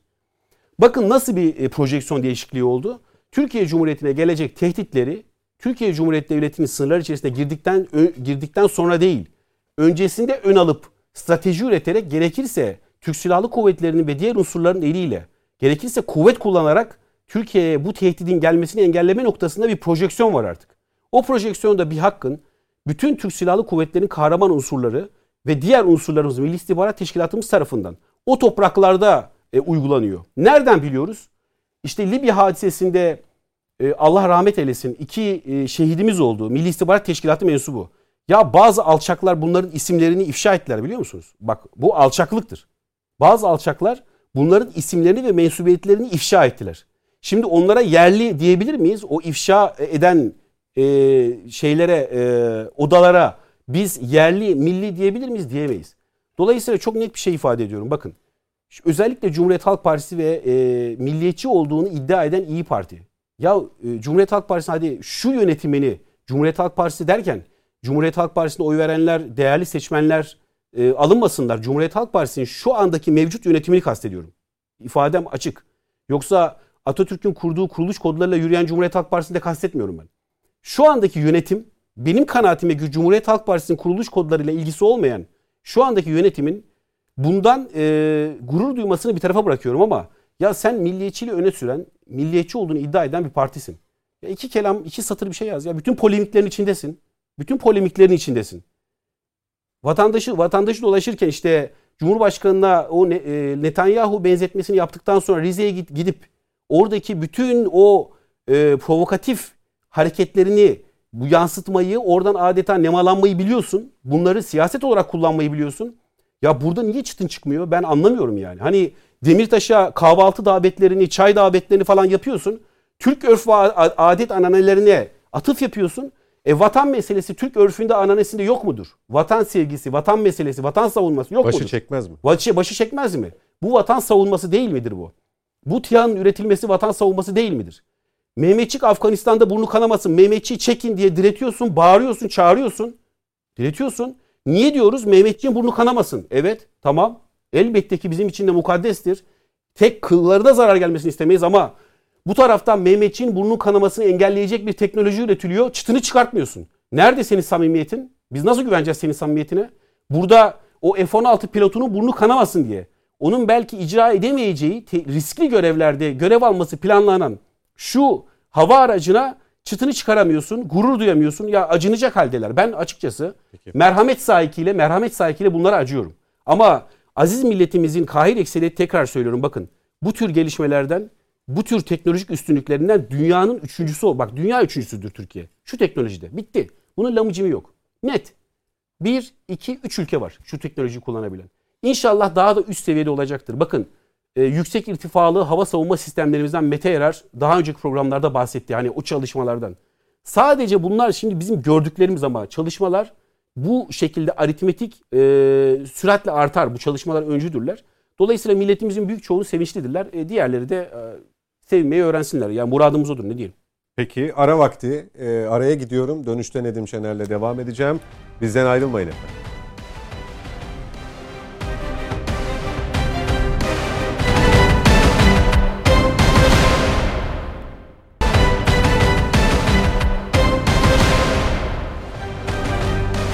Yeniden birlikteyiz efendim. Net Bakış'a devam ediyoruz. Nedim Şener'de kalmıştık. Ee, Akıncı TİHA'nın taarruzi insani hava aracının Türk Silahlı Kuvvetleri enfanterine girmesiyle ilgili Mete Yarar ve Mücahit Birinci'nin görüşlerini aldık. Mücahit Birinci muhalefetin bu konuyla ilgili e, sessizliğinden dem vurmuştu. Nedim Şener'e dönelim. E, aslında programa başlarken o birliği, beraberliği, o ruhu, e, Kuvayi Milliye ruhunu konuşmuştuk. E, sizin de bu konuda mütalalarınız oldu ama bu gibi durumlarda hep bir sessizlik görüyoruz. Yani sadece bu konu özelinde değil, ne zaman ki e, Libya konusu, Suriye ile ilgili bir adım, Afganistan hadisesi ya biz demiştik minvalinde e, kaçamak cevaplar ya da e, tam bir duruş, hani bir bütünlük duruşu sergileyemiyoruz. E, bunun sebebini neye bağlıyorsunuz? Ya şimdi politikanız refleksif olunca yani tepkiselci o ne yaparsa ben tersini söylemem lazım anlayışı varsa ne insanla anlaşabilirsiniz ne toplumla anlaşabilirsiniz ne ortak bir paydanız olabilir. Yani sizin Akdeniz'e ben kara diyeceğim. Basit bir siyaset mantığı bu. Çünkü bu kutuplaşmış, kutuplaştırılmış toplum içinde ola ki e, överseniz mesela bir çabayı, çalışmayı e, bu sefer kutuplaştırdığınız kesimden ne oldu? Hani itiraz ediyordunuz, şimdi övüyor musunuz? Bak siz de bilmem ne oldunuz. Çok basit. Bu Ya bunu Nedim Bey bunu sporda da yaşıyoruz. Sporda. Yani uluslararası bir müsabakada e, o kişinin daha önce e, verdiği bir fotoğrafla yetiştiği bir yerle ilişkilendirip Evet. o başarıyı neredeyse gölgede bırakıyor. Tabii canım yani mesela şey e, gü- güreşçi olunca başka türlü mesela voleybolcu olunca başka türlü oluyor tamam mı? Boksör mesela daha farklı. Boksör bir şey. olunca başka bir şey oluyor. Acayip bir şey. Ee, işte bir kesimin sahiplendiğini sonra o vatan millet işte bayrak falan deyince aa bu da faşist çıktı falan deyip bu sefer yükleniyorlar falan. Yani saçma sapan bir noktaya geldi insanlar. O kadar kolay anlaşılabiliyor ki. Ben çok iyi tanıyorum. Bütün kesimleri çok iyi Ama tanıyoruz. burada öz eleştirileri de yapmak lazım galiba. Hani spordan açıldığı için konu. Yani e, dediniz ya voleybolcu olunca işte mesela voleybolcuların kıyafetleri üzerinden bir tartışma çıkıyor. Oradan güreşçiye temas ettiriliyor. Diyanet çıkıyor bir şey söylüyor yani ya da e, toplumun ileri gelen ka- kanaat önderlerinden bir bir şey söylüyor. Onun arkasına takılıyoruz. Yani e, bir başarı var ortada. Uluslararası düzeyde kazanılmış bir madalya var. O madalyayı layıkıyla kutlayamıyoruz, sahiplenemiyoruz. Herkes çekiştiriyor. Yani çocukların başarılarını herkes bir tarafa çekiştiriyor. Dolayısıyla böyle bir ortamda bu proje zaten başından e, Bayraktar çok mücadele ede ede bu noktaya geldi. Yani tehdit edile edile, yargılama baskısıyla, soruşturmalarla, e, ikna edilerek, ajanlaştırma çabasıyla yani her türlü faaliyet içinden sıyrıla sıyrıla gelmiş. Sonunda bir vesileyle Erdoğan'ın kızıyla evlenmiş. Adı o dakikadan sonra damada çıkmış. Muhalefette ona Ama damat. bu arada Oysa- zaten evlendiğinde SİHA'yı bitirmiş ya bu arada. onun bir babası var. Efsane adam. Adam muhafazakar Erbakan'ın en yakın böyle hani e, Evet. şeylerinden birisi. Bu adam Ergenekon balyoz kumpasları sırasında bu AKP'liler falan FETÖ'cüler işbirliği yapıyorlar ya o tarihlerde herkes böyle öcü gibi onlara hatta hatta Ergenekon balyozda hapse girenlere arkadaşları bile mesai arkadaşları bile uzak duruyorlar. Bu adam cezaevinde onları ziyaret ediyordu biliyor musun? Yardım ediyordu aileye. Çok enteresan bir adam. Şimdi öyle karakterli bir adamın çocuğu iyi yetiştirilmiş. Böyle bir sonuç çıkıyor. Yani Erdoğan'ın kızıyla evlenip evlenmesi onun hiçbir şey hayatını etkilemezdi yani. Hatta belki çalışmalarını bile şey yapıyor. Ta- ta- tartışma tartışılır hale getiriyor. Ama problem değil. Önemli olan yaptığınız iş. Siz kendinizden eminseniz, kendinize güveniyorsanız, yaptığınız iş uluslararası e, şekilde övülüyorsa önemli olan biz Mete ile oraya gittiğimizde Bayraktar'a gittik bir akşam. Ya şuna hayran oldum ben. Hani ben Bayraktar'dan falan Selçuk Bayraktar'dan falan çıktım. Gencecik kızlar işte şu masa kadar İHA'ları falan üzerine bilgisayar onlar uçan bilgisayarlar aslında. İşte eğilmişler işlerine kot pantolonlu, tişörtlü falan filan böyle hani öyle şey falan değil. Böyle AKP'li mu- muhafazakar falan. Normal bildiğin mühendislik yapan bilgisayar yazılımcılar falan oturmuş içine eğilmişler. Tıp tıp tıp bir şey yapıyorlar tamam mı? Bu arada O her şey hoşuma- yani başı açık, başı O kadar açık, hoşuma gitti ki. başka türlüsü Hayır, her türlü siyasi insanlar. görüşten insan Doğru. var mı yani Orada sonra? yani sadece AKP parti teşkilatlarından giden mühendisler çalışmıyor. Yani oraya bir gidip görme zaten çekilen fotoğraflar, yayınlanan fotoğraflara bakın. Pırıl pırıl çocuklar ve o günden bu tarafa gerçekten ben rahat uyuyorum biraz. Şundan dolayı ya diyorsun ki bu ülke gelecek bir nesil var. İnanılmaz işler yapacaklar ve bunun türevleri çıkacak. Yani Bayraktar kendi versiyonlarını da üretecek. O o o Çıktı. ekibin içinden çıkacak. Çıktı. Çıktı değil mi? O ekibin içinden çıkacak. Çünkü o kadar pırıl pırıl çocuklar ki ve hani tam böyle bu ülkeye hizmet eden hani Atatürk'ün tarifiyle görev, Adanmışlıkla çalışıyor. Çünkü misyonu var ve ne oldu? Bu yıl üniversite sınavları işte tercihler yapıldı inşallah yakında açıklanacak. Herkese de hayırlı olsun bu arada. İnşallah. Ben gençlerle tanıştım sağda solda. Mesela İHA projesinde çalışmak ve görev almak için mühendislik yazan Çocuklarla tanıştım tamam mı? Ya Bayraktar'da şey yapabilir miyiz diyor. Staj yapabilir miyiz? Birçoğu şeyde yapacak. İnanın bak TUSAŞ'ta yapacak. mesela şey e, yine Temel Kotil bir programda dedi ki 4000 mühendisimiz var yerli muharip uçakla çalışıyor. 4000 daha alacağız. İnanma bak benim telefonuma kaç mesaj geldi.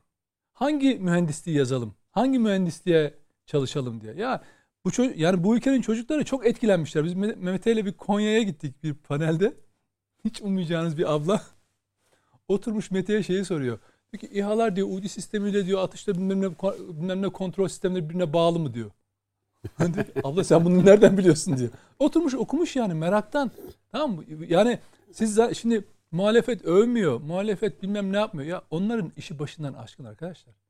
Bak Fethullahçı terör örgütü mensupları KHK ile geri döndürmek için tasarı hazırlıyor adamlar ya. Geleceğim Adamları bugünkü yazın senin edeceğim. Yani geleceğim. meşgul etmeyiniz.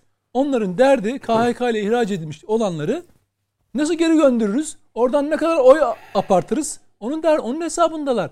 Demokrasi, hukuk falan derlerse 15 Temmuz gecesi neredeydin diye sorun. Çünkü 15 Temmuz gecesi demokrasi fiilen e, tehdit altındaydı. Hatta Türkiye Büyük Millet Meclisi yani şu anda oradan maaş aldıkları Büyük Millet Meclisi bombalanıyordu. Ve o partinin genel başkanı Bakırköy Belediye Başkanı'nın evinde saklanıyordu. Millet e, çarpışırken Binali Yıldırım onu arayıp tabanınızı sokağa çağırın dediğinde ne cevap vermişti? Halkın güvenliğini kim sağlayacak? Görüyor musunuz? O yüzden o arkadaşları rahat bırakın. Kılıçdaroğlu'nu, İyi Parti falan rahat bırakın. Onlar çalışsınlar. Nasıl FETÖ'cüleri tekrar kamuya döndürürüz? E, efendim bir de şey savunmasıyla nasıl terör, teröre bulaşmamış bir FETÖ'cüden bahsediyordu ya nasıl bir teröre bulaşmamış FETÖ'cü nasıl bir tarifi varsa ondan sonra öyle bir tasarı hazırlıyorlar. Yeniden yargılama ya da işte yargılananları iade edeceklermiş hepsini yani şey de demiyorlar. Ya 100, 120 bin, 115 bin civarında ihraç var. 15 bine yakını zaten devlet şu ana kadar tespit etti. E, hatalı işlemler, eksik, haksızlığa uğrayanlar bunların iadesi için uğraşacağız demiyorlar. Çünkü onlardan henüz 4 bine yakını te- e, şey oldu, kamuya geri döndü. O, o geri kalan 10 bin için uğraşacağız demiyorlar. Hepsini iade edeceğiz Tamam, diyorlar. tamam. Böyle bir projeleri var. O yüzden öyle TİHA, İHA falan filan şey yapmayın. Onların böyle önemli bir KHK projesi, şey KHK'ları geri döndürme projeleri var. İki, PKK'nın siyasi kolu HDP ile işbirliği projeleri var. Arkadaşlar o yüzden rahatsız etmeyin. Yani Peki. Kürt yapacaklar. Şeye e, ama e, bütün eksiklik şundan kaynaklanıyor. Bir projelerle ilgilenen, ilgilenen uzmanları yok. Yani mesela Türkiye çok basit bir S-400 konusunu sokaktaki insan dahi biliyor. Anketlerde %60-70'e yakını s- e, S-400 ile ilgili bilgi sahibi ne olduğunu, savunma sistemi olduğunu mesela. Ama şey e, CHP'nin mesela dış ilişkilerden sorumlu Ünal e, Bey işte bunları a- niye alıyorsunuz? Al, işte alın kaldırın falan filan. Çünkü niye? Birilerine hizmet edecekler. Çünkü Amerika itiraz ediyor, onlar da itiraz ediyorlar. Mesele şuradan kaynaklanıyor aslında. Henüz bu partilerin e, Türkiye'nin uluslararası ilişkiler konusunda bir politikaları yok. Tıpkı adalet konusunda bir politikaları olmayışı gibi tıpkı tırnak içinde kendi içlerinde Kürt sorunu dedikleri konuda dahi bir projeleri olmadığı için. Tek yaptıkları şey şu. CHP başında İyi Parti, Davutoğlu'nun partisi, Babacan'ın partisi, Saadet Partisi, HDP ile 6-7 tane ortaklı bir matematiksel birliktelik oluşturmaya çalışıyorlar. Böyle bir projeleri var. Bunu, buna adamışlar. O güne kadar da söz konusu kesimlere birer tane hani ne derler e, çiçek uzatmak mı derler işte bir sempati e, olacak laflar edecekler ama göreceksiniz hiçbir şey yapmayacaklar çünkü o konularda bile net değiller. Ya ben Kendi içlerinde Bak, bu anlamda bak çok ben, tartışıyorlar. Ben eğer CHP'nin başında olacağım ve Kürt sorunu diyeceğim. Şimdiye kadar raporu çıkarmamış olacağım. Böyle bir şey mümkün mü ya? Ya da ben KHK'lı diyeceğim. Hiç dinlemem. Ne olduğunu millete anlatırım. Ama inanıyorsam. Ama ciddi, samimiysem. Ha yok. Onlardan oy alacağım. Nasıl olsa onlar onu Dostlar işte- alışverişte görsün. Bakın, Parti yöneticileriyle zaten işte gö- görüşmeler, e, selamlaşmalar, bayramlaşmalar falan derken seçime doğru oluşturulan o kutuplaşmış nefret ikliminde %52-53'ü alırız, biz iktidar oluruz. Ondan sonra da dilediğimizi yaparız zannediyorlar. Peki. Ufuk Bey'e soralım. Ee, her şeyden bir siyaset beklentisi ya da e, durduğu yeri muhafaza etme çok çok çok çok ülke menfaati, ali menfaati söz konusu olduğunda bile aman bu konuda görüş belirtmeyelim, rengimiz ortaya çıkar. Ee, biz de e, kendi seçmenimiz tarafından, kitlemiz tarafından eleştiriliriz endişesi. Galiba bu gibi mevzularda spor olsun, savunma sanayinde atılan adımlar olsun bir şey söyleme, bir tebrik, bir takdir gibi anlaşılır. E, mahvoluruz düşüncesine mi sebep oluyor size göre? Ya, onu bilemiyorum ama yine de siyasi partilerimiz, muhalefet partilerimiz Türkiye demokrasisinin vazgeçilmez unsurları e, ötekileştirmemek ve siyasetin de, derinleşmesi, karşılıklı etkileşimin artırılması için çaba göstermek gerek. Mesela en son bu mülteci politikası e, konusunda ben mülteci örgütlerin başta CHP olmak üzere muhalefet partileriyle görüşmesini istedim. Çünkü istiyorum ki bir de onlardan dinlesinler. Yani kurbanlar ve mağdurların gıyabında değil, e, onlardan dinleyerek politikalarını gözden geçirsinler. E, bunu bir e, süreç meselesi olarak görmek gerek. Ama bahsettiğiniz konunun hikayesi daha Nuri Demirağ'ın uçak fabrikalarını e, kapatma sürecine kadar gider. E, rahmetli babam Vasipuras askerlikten emekli olduktan sonra anılarını yazmıştı. Hayat bir tecrübedir e, kitabında. Bu süreci etraflıca değerlendirdik. E, değerlendirdi, ben de bastırdım. E, şimdi tabii bir ülkenin e, kendi yağıyla kavrulması, kendi teknolojisini üretmesi, hatta bunu sivil amaçlarla kullanması, e, yani diyelim orman yangınlarının söndürülmesi de dahil olmak üzere e, önemli bir mesele. E, zaten iç, günümüzde e, bütün e, süreçler küresel düzeyde bir saflaşmayla şekilleniyor. Yani tümden gelinci bir yaklaşımla bakmazsanız e, anlamak zor. Yani diyelim e, Afganistan'daki havaalanının işletilmesi konusu mu ele alınıyor? Bunu bölgedeki Rusya, Çin, İran hegemonyası kavgasından bağımsız ele alamayacağınız gibi. Zamanında e, e, Sovyetler Birliği ABD rekabeti olduğunda Sovyet tarafı barış içinde bir arada yaşama politikalarını savunurken ve nükleer yarışma içine girerken o dönemde Çin tarafı Mao Zedong e, siyaset teknoloji belirler diyordu. Yani teknolojinin nasıl kullanıldığı da önemli. E, bu doğru olmakla beraber günümüz 21. yüzyılda teknoloji de siyaseti e, şekillendiriyor. E, siyasetin yapısını e, büyük ölçüde tayin ediyor. İşte Latin Amerika ülkelerinde e, silahlı ayaklanma hareketlerinin azalması vesaire biraz bu e, teknolojik üstünlükle de ilgili.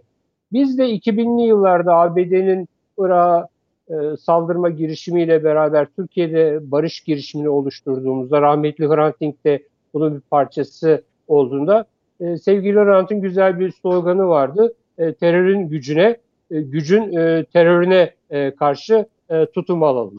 Hakikaten mesele büyük ölçüde böyle şekilleniyor. Hani dünya büyük, beşten büyüktür dediğimizde aslında emperyalizme karşı nasıl tavır alınacağına ilişkin bir fikri arka plan önemli. 60'lı yıllarda bağlantısızlar hareketi vardı. Üçüncü Dünya Hareketi vardı. Kapitalizme karşı bir hareket vardı. Bugün e, bu, bunu nasıl şekillendireceğiz? İçini nasıl dolduracağız? Bir kültürel düzeyde mi ele alacağız?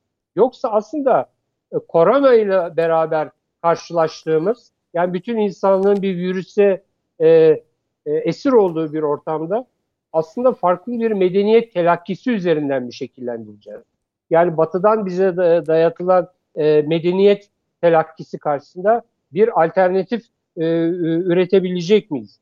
Yani biz daha çok sağlık sorunları vesaire e, meselesiyle konunun sonuçlarına baktık e, korona hikayesinde. Aslında ontolojik bir e, sorunla e, karşı karşıyayız ve e, hakikaten bu e, zeminde e, siyasi partilerimize büyük görev düşüyor.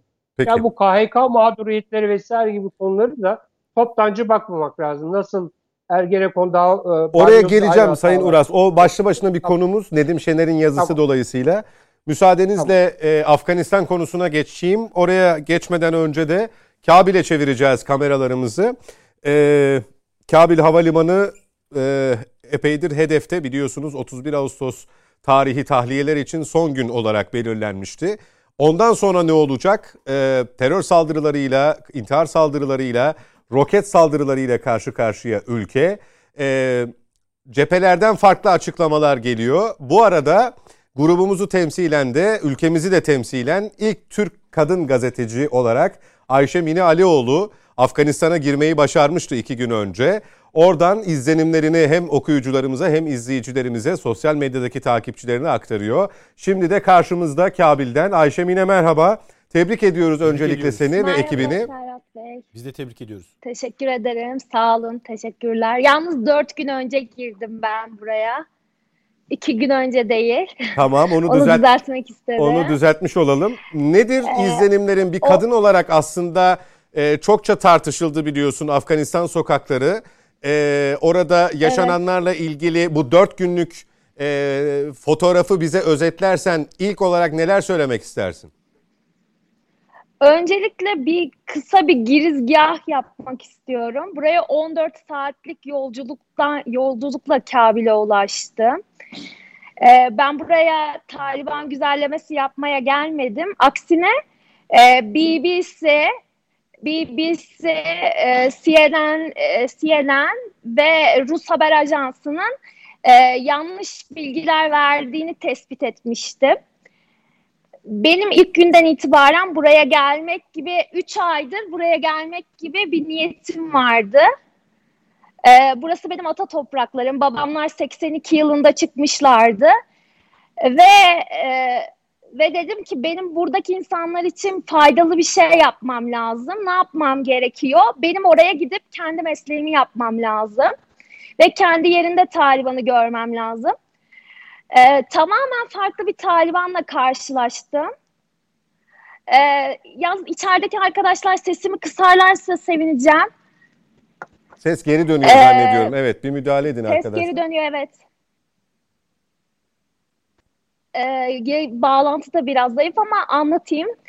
Ee, şöyle e, dört buçuk saat e, şeyden e, e, Pakistan sınırından Toram'a girdikten sonra Kabil'e ulaşmam dört buçuk saatlik bir yolculuktu.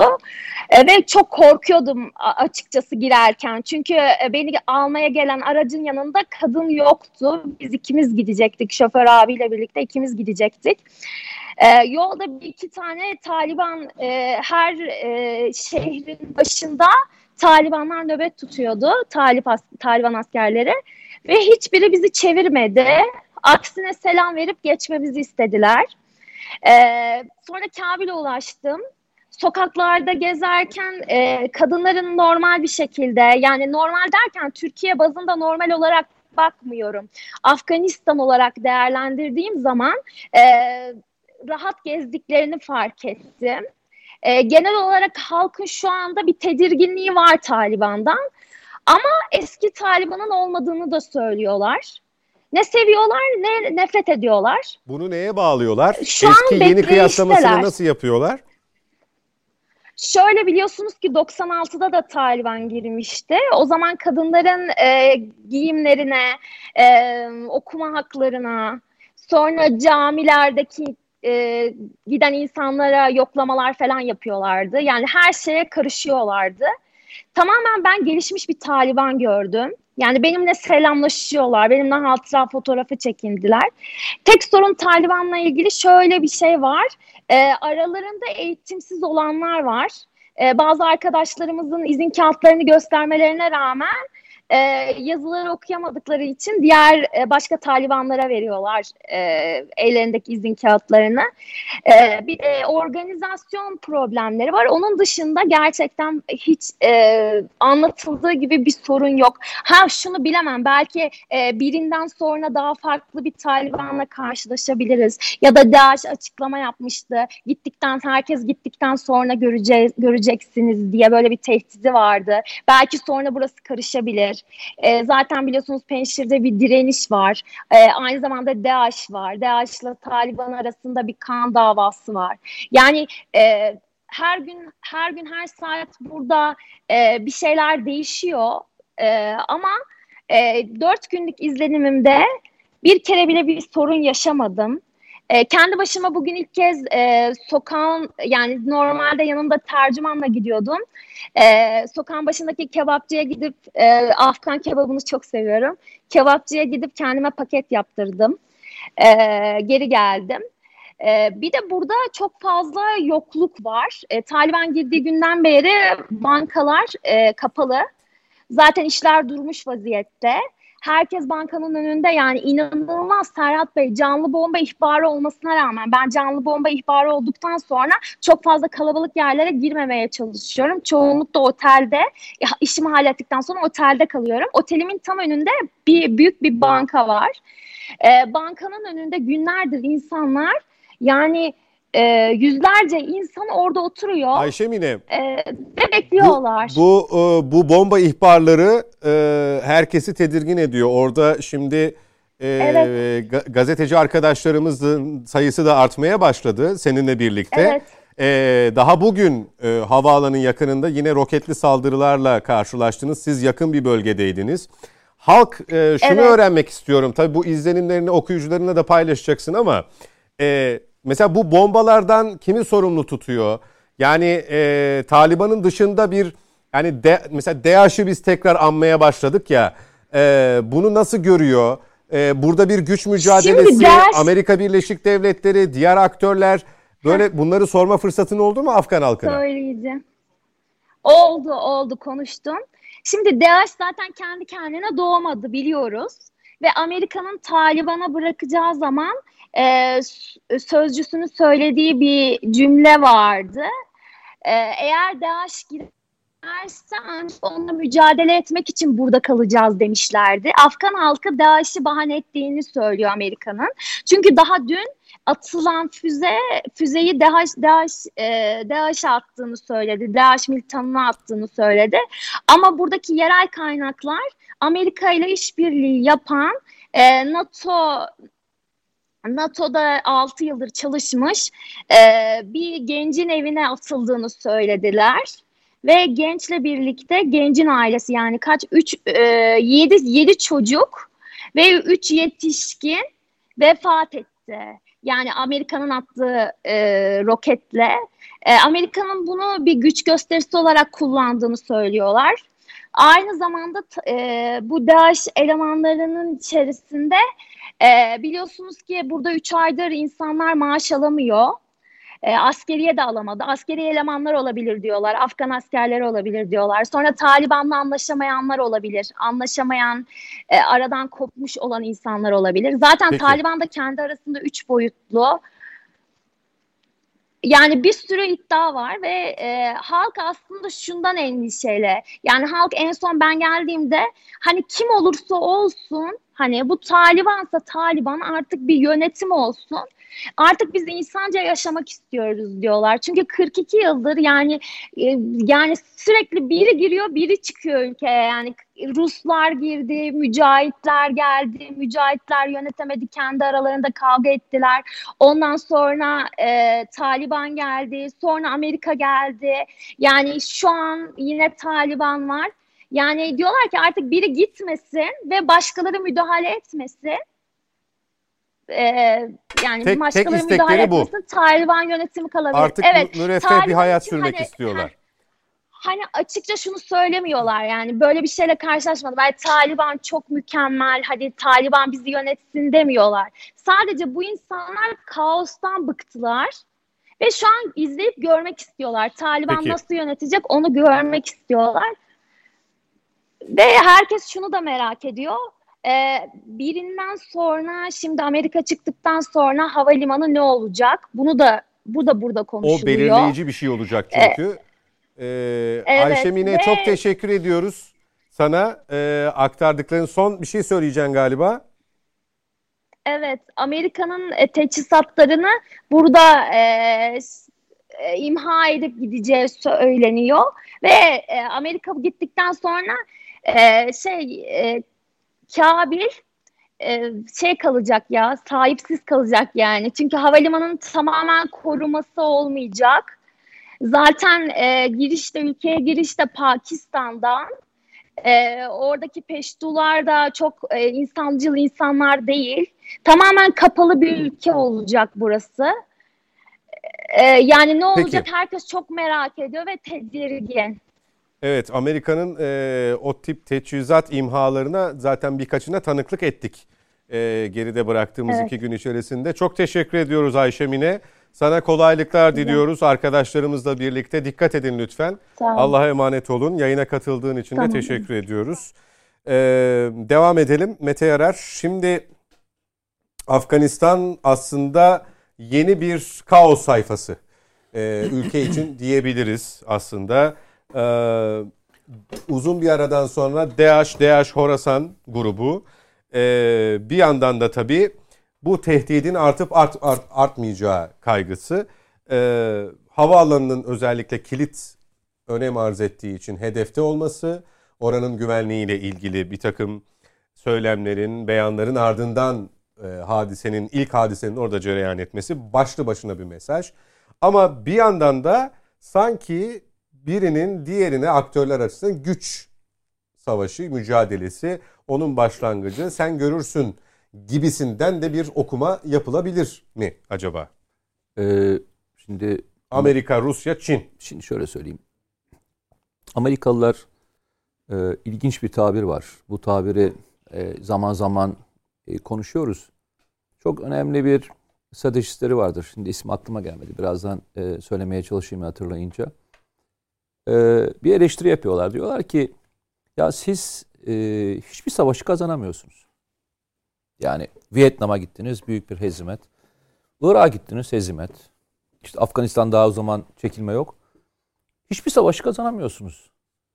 Niye savaş kazan, kazanmıyorsunuz? Yani savaşı kazanmaktan ötesine kaybediyorsunuz devam. Ee, yanılıyorsunuz diyor. Yani bizim e, stratejimiz ka- savaş kazanmak üzerine değil. Kaos üzerine. Biz kaos üzerine bir strateji kuruyoruz ve kaosun getirdiği nemayı alıyoruz. Zaferin sonucu bizi ilgilendirmiyor. Kaosun sonuçları ilgilendiriyor. Çok ilginçtir. Bunu geçen gün... Dolayısıyla karışıklığın uzaması. Yok daha da devam edeceğim. Çok ilginçtir. Bazen bu senaristlere bayılıyorum. Aradığınız cümleleri şeyde çok rahat bulabiliyorsunuz. Ee, müthiş bir şekilde cevabını orada bulabiliyorsunuz. Çünkü e, senaristler bir anda bir cümleyle anlatmak zorunda şeye. Hani karşıdaki izleyici anlatmak zorunda. Bir film seyrediyorum. Bulduğum bütün yani aradığım bütün cevapların cümlesini buldum.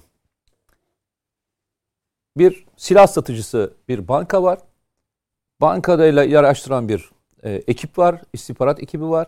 Ve diyorlar ki ya bir banka niye bu işi yapıyor filan? Para kazanmak için filan mı diyorlar. Aa diyor. Oradan kazanacak para hiç önemli değil. Nedir diyorlar? Çıkacak kaos ve kaosun sonunda doğacak para ve kaynak. Asıl diyorlar şey bu. Kaos sonrası doğacak olan finansa taliplerdir diyor. Şeye talipler değillerdir diyor. Silah satmaya talipler değiller diyor. Zafere talip olmazlar onlar diyor. Onlar daha sonra doğacak finans açığına talip olurlar. Çünkü o daha büyük bir kazançtır. Aynen böyle. Amerika evet Orta Doğu'ya geldi. Darma duman etti. Ama burada doğacak olan e, kaynağı kullandı. Evet kendi kaynakları da gitti. Ama oradan doğacak olan kaynak da beslendi. Şu anda Amerika bölgeden çekildi. Orta Doğu'ya geldiğinde arkada bıraktığı şu e, şeye bakar mısınız? Mezbeleliğe bakar mısınız? Ortada ülke kalmadı. Yani şu aşağı doğru bir in, sınır kalmadı. Sınırı e, sınırı koruyacak ekip yok yani. Devletlerde böyle bir askeri bir birim kalmadı. Düşün, biz Suriye sınırından ta Ermenistan sınırı dahil olmak üzere karşı tarafın sınırları korumadığı ülkelerle e, komşuyuz. DAEŞ diye bir şey yarattılar. Ve gördüler ki bu DAEŞ çok kullanışlı. Gittikleri ülkelerde çıktıktan sonra yaratacak kaos muazzam. Aynı şey içine geçerli bu. Afrika içine geçer. Orada farklı farklı isimlerle e, uyguluyorlar bunu. Bunun aynısını aldılar ve götürüp şu anda şeyin tam ortasına bıraktılar. Orta Asya'nın tam ortasına bıraktılar. Bakın bundan sonra hep beraber seyredeceğiz.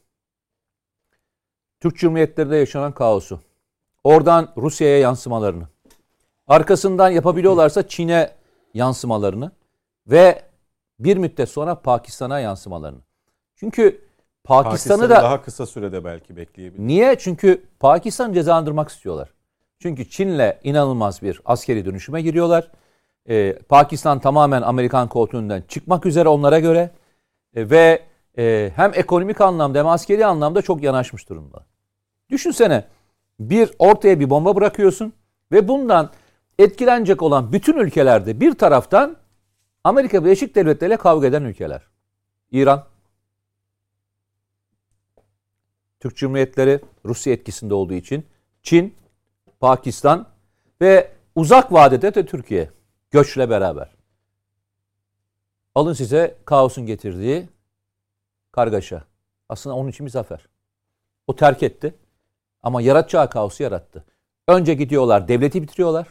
Geliyorlar devletleş yani devletleştiriyormuş gibi yapıp kimliksiz ele getiriyorlar.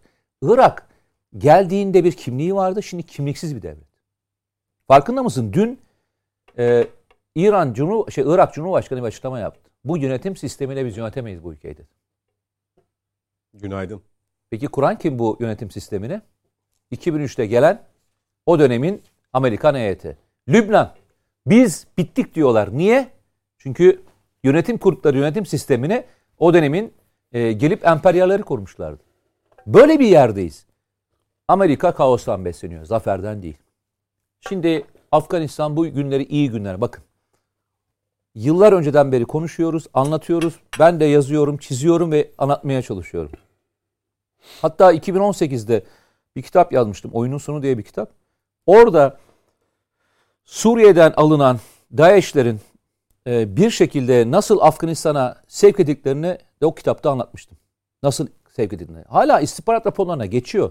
Suriye'den çıkan büyük bir miktarını nasıl coğrafyaya aktarıldığını e, yazmıştık. Şimdi hepsi çıkmaya başladı. Allah göstermesin. Sonuçta orada yaşayan milyonlarca insan var.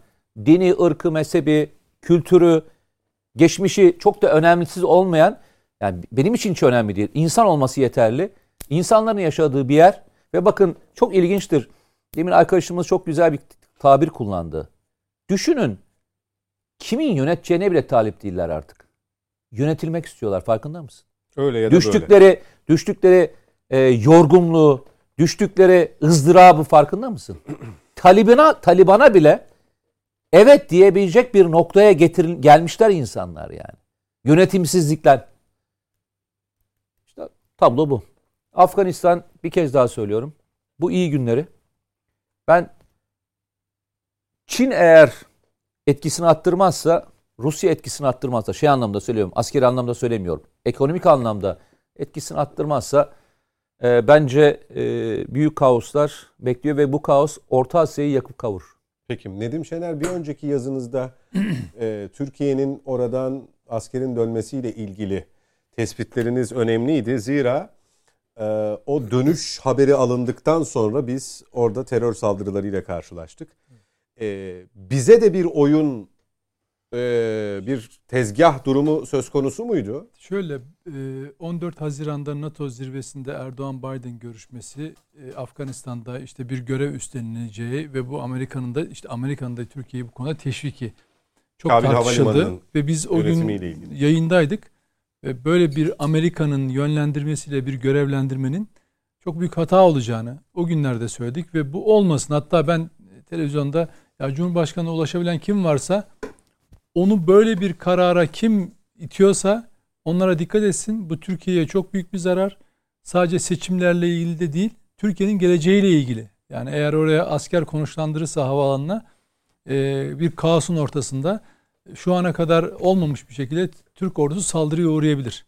Çünkü Taliban daha ilerleme safhasında Türk askerini istemiyor falan. Hatırlayacaksınız Ömer Çelik hükümet sözcüsü de işte bu dil sürçmesidir falan filan demişti. Oysa öyle değil. Yani iş ciddi. Yani böyle Taliban falan siz işte giden arkadaşlar tabii bulundukları yerlerin haberini yapıyorlar ama e, global çapta medya e, kurumları orada işte halk şarkıcısının öldürüldüğünü evinden çıkartılıp bir komedyenin öldürüldüğünü, müzik aletlerinin parçalandığını, e, kadınlara evde durmaları gerektiğini söylendiğini, işte Taliban işte yine aynı gerekçeye sığınıyorlar arkadaşın söylediği gibi. İşte bizim militanlarımız biraz şey, militanlar üyelerimiz eğitimsiz kadınla nasıl konuşulacağını bilmiyor. E ondan dolayı da kadınlar ev, evinde kalmalıymış falan filan. Böyle saçma sapan bir şey olabilir mi? Yani e onları bu, bunu bir, içine sokma o zaman. Ya bunları an, bir anne doğurmadı mı? Bir evde büyümedi mi? Kız kardeşler olmadı mı bu insanların? İnsanla insan nasıl diyalog kurar bunu bilmiyorlar mı? Yani bırak öyle şey olmasını falan, git gel falan, hot zot yapmayı falan. Dolayısıyla orada işler gittikçe şey yapacak. Ama Türkiye'yi ilgilendiren kısmı şuydu. Bir kere Amerika Birleşik Devletleri'nin oradan neden çıkmak kararı aldığı üzerine durmak gerekiyor. Ee, ben onu şöyle yorumladım ilk andan itibaren. Çünkü Amerika hesapsız, kitapsız, ileri düşünmeden hani bugün şu çok tartışılıyor. Amerika rezil oldu. Amerika yenildi. Ya bu Amerika'nın kaçıncı yenilişi, kaçıncı rezil oluşu? Adam Japonya'ya atom bombası atmış. Atom bomba yüz binlerce insanı katletmiş. Şehirleri yok etmiş. Toza insanları şeye çevirmiş, toza çevirmiş. Yani DNA'sı bile yok. Bundan utanmayan bir Amerika Birleşik Devletleri, bundan utanmayan Amerika Birleşik Devletleri oturup da yok oradan helikopterleri elçinin üzerinde bilmem neymiş de çıkmak zorunda kalmışmış da falan da filan da. Mesela e, havaalanı saldırısında intihar bombasını askerleri yine ritüel senin ne işin var orada? Keşke gelmeseydin senin askerlerin de ölmeseydi. Afganlar da bu rezaleti yaşamasaydı, bu skandalı yaşamasaydı. Dolayısıyla Amerika Birleşik Devletleri'nin hani şöyle bakma insanlar e, kendini avutmuş olurlar. Ya Amerika buraya hesapsız kitapsız işte geldi işte bak yenildi gidiyor falan Taliban'a yenildi falan. Hiç öyle alakası yok.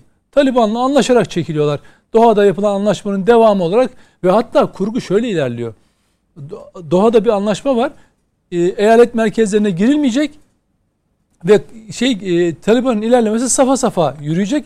Onların hesabına göre yılbaşını bulması bekleniyor. Yılbaşından önce de işte Ağustos'un sonu itibariyle Amerika boşaltmış olacak. Giderken Taliban Kabil'e doğru gelirken beklentisi 300 bin kişilik Afgan ordusunun buna direniş göstereceği, 75 bin kişilik Taliban'la çatışma yaratacağı, yaşanacağı. E çatışmanın ortasında da Kabil Havaalanı ulaşım tek noktası e, hava, hava yolculuğu için Türk askerleri nöbetçi olacak, çatışmanın içinde bulunacak sen bugün işit dersin ama başka bir kılıkta karşına çıkar. Gelir orada bir canlı bomba yapıldığı gibi bizim askerimize hedef alır. Ondan sonra Türkiye'de yani yer yerinden oynar. İnsanlar haklı olarak şunu sorarlar. Ne işin var? Ben o yüzden o günlerde şunu söyledim. Türkiye'nin Suriye politikasında Türkiye'nin başını belaya kim soktuysa ve o isimler bugün siyasette nerelerdeyse Erdoğan bundan bir sonuç çıkarsın. Bugün de Afganistan konusunda kendisini eğer bu konuda ikna etmeye çalışan birileri varsa Amerika'nın güdümüyle onlara dikkat etsin. İkinci defa başını belaya sokacak. Çünkü Amerika'nın güdümüyle Suriye politikası nasıl bizi bir bataklığa çevirdi ve biz bunun sonunda Kobani olaylarıyla beraber Çukur Hendek meselesinde neredeyse ülkemizin bir kısmını kaybediyorduk. Ve 700-800 şehidimize mal oldu 2015'e kadar. Ondan sonra Türkiye bundan ancak 15 Temmuz darbesinden sonra FETÖ'cü hainler temizlendikten sonra müdahale edip sınır güvenliğini alabildi. Yoksa ondan önce kalmamıştı. Yani bunlar öyle çok uzun tarihler falan değil. Dolayısıyla Amerika oraya niye gelmişti zamanında? Rusya'ya müdahale için gelmişti değil mi? Rusya'nın ilerlemesi Afganistan'ın işgaline karşı. Peki şimdi niye çıkıyor? Aslında kavram olarak bence aynıydı. Yine Rusya hedefinde. Çünkü Amerika bir süreden beri Biden'dan önce de başlamıştı. Biden dönemiyle beraber Rusya'nın hedef ülke olduğunu, e, rakip değil hedef ülke olduğunu açık açık raporlarında yazıyorlar. Biz bunu çok kere metele programlarda konuştuk. Çin'in rakip ülke olarak görüldüğünü. Şimdi tam o coğrafyanın ortasında bir çekilme planı uyguluyor ve şöyle düşünün. En basit hani takım şey o çavuş askerde ben çavuş yaptım mesela. Bana burayı tahliye edin. Sana bir çavuşluk görev veriyoruz. Burayı tahliye edin desem de, deseniz önce ben buranın güvenliğini ele alırım değil mi? Yani güvenli bir hat oluştururum. Bütün herkesi çıkartırım. En son askeri çıkartırım. Şimdi sen bir anda çıkıyorum falan diyorsun. En önce askerleri gönderme telaşındasın. Gönderdin askerleri sonra geri getiriyorsun ki sivilleri çıkarsınlar ve diyor ilk açıklamanda da diyorsun ki kaç kişi çıkardık bilmiyoruz. Kaç kişi var daha bilmiyoruz.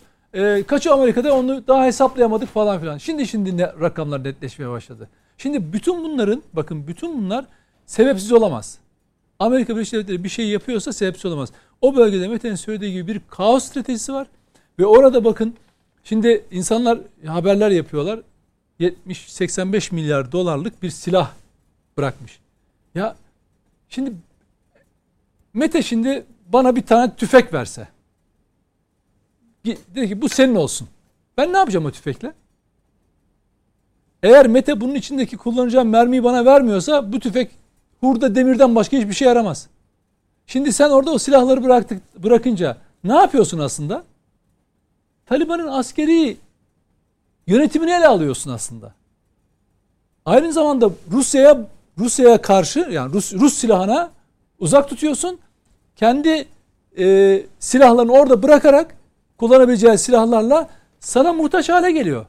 Yakında Amerikan askeri uzmanlarının onlara eğitim verdiklerini, teröre karşı beraber mücadele ettiklerini, nitekim öyle demediler mi? Beraber çalışıyoruz.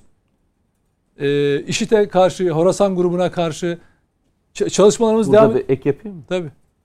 150 tane omuza atılan füze şeyin eline geçti. Taliban'ın eline geçti. Şimdi Amerikalılar en son çıkarken e, ne yapıyorlar? Farkındaysan şeyleri uçuruyorlar. Mühimmatları falan imha ediyorlar. O patlama seslerin bir miktarı öyle. Peki nasıl oldu da e, Talip şeyde Afgan ordusunun elinde 150 tane şeyi bıraktılar? Omuzdan atılan füzeyi bıraktılar. Ya o füzeyi kullanmak için mühimmatını onlardan Ha, alacaksınız. yok o Eğitimini zaten o, alacaksınız. o zaten tek atımlık şey de yani hani o e, O nasıl şeyler onlarda kaldı? O, onlar nasıl kaldı ve bu füzeler nerelerde şimdi patlayacak? Hangi ülkelerde uçuş güvenliğine tehlikeye atacak Orta Asya'da? Bak 150 tane füze demek bir müddet sonra orada uçuşa yasak bölge demektir. Biliyor musun?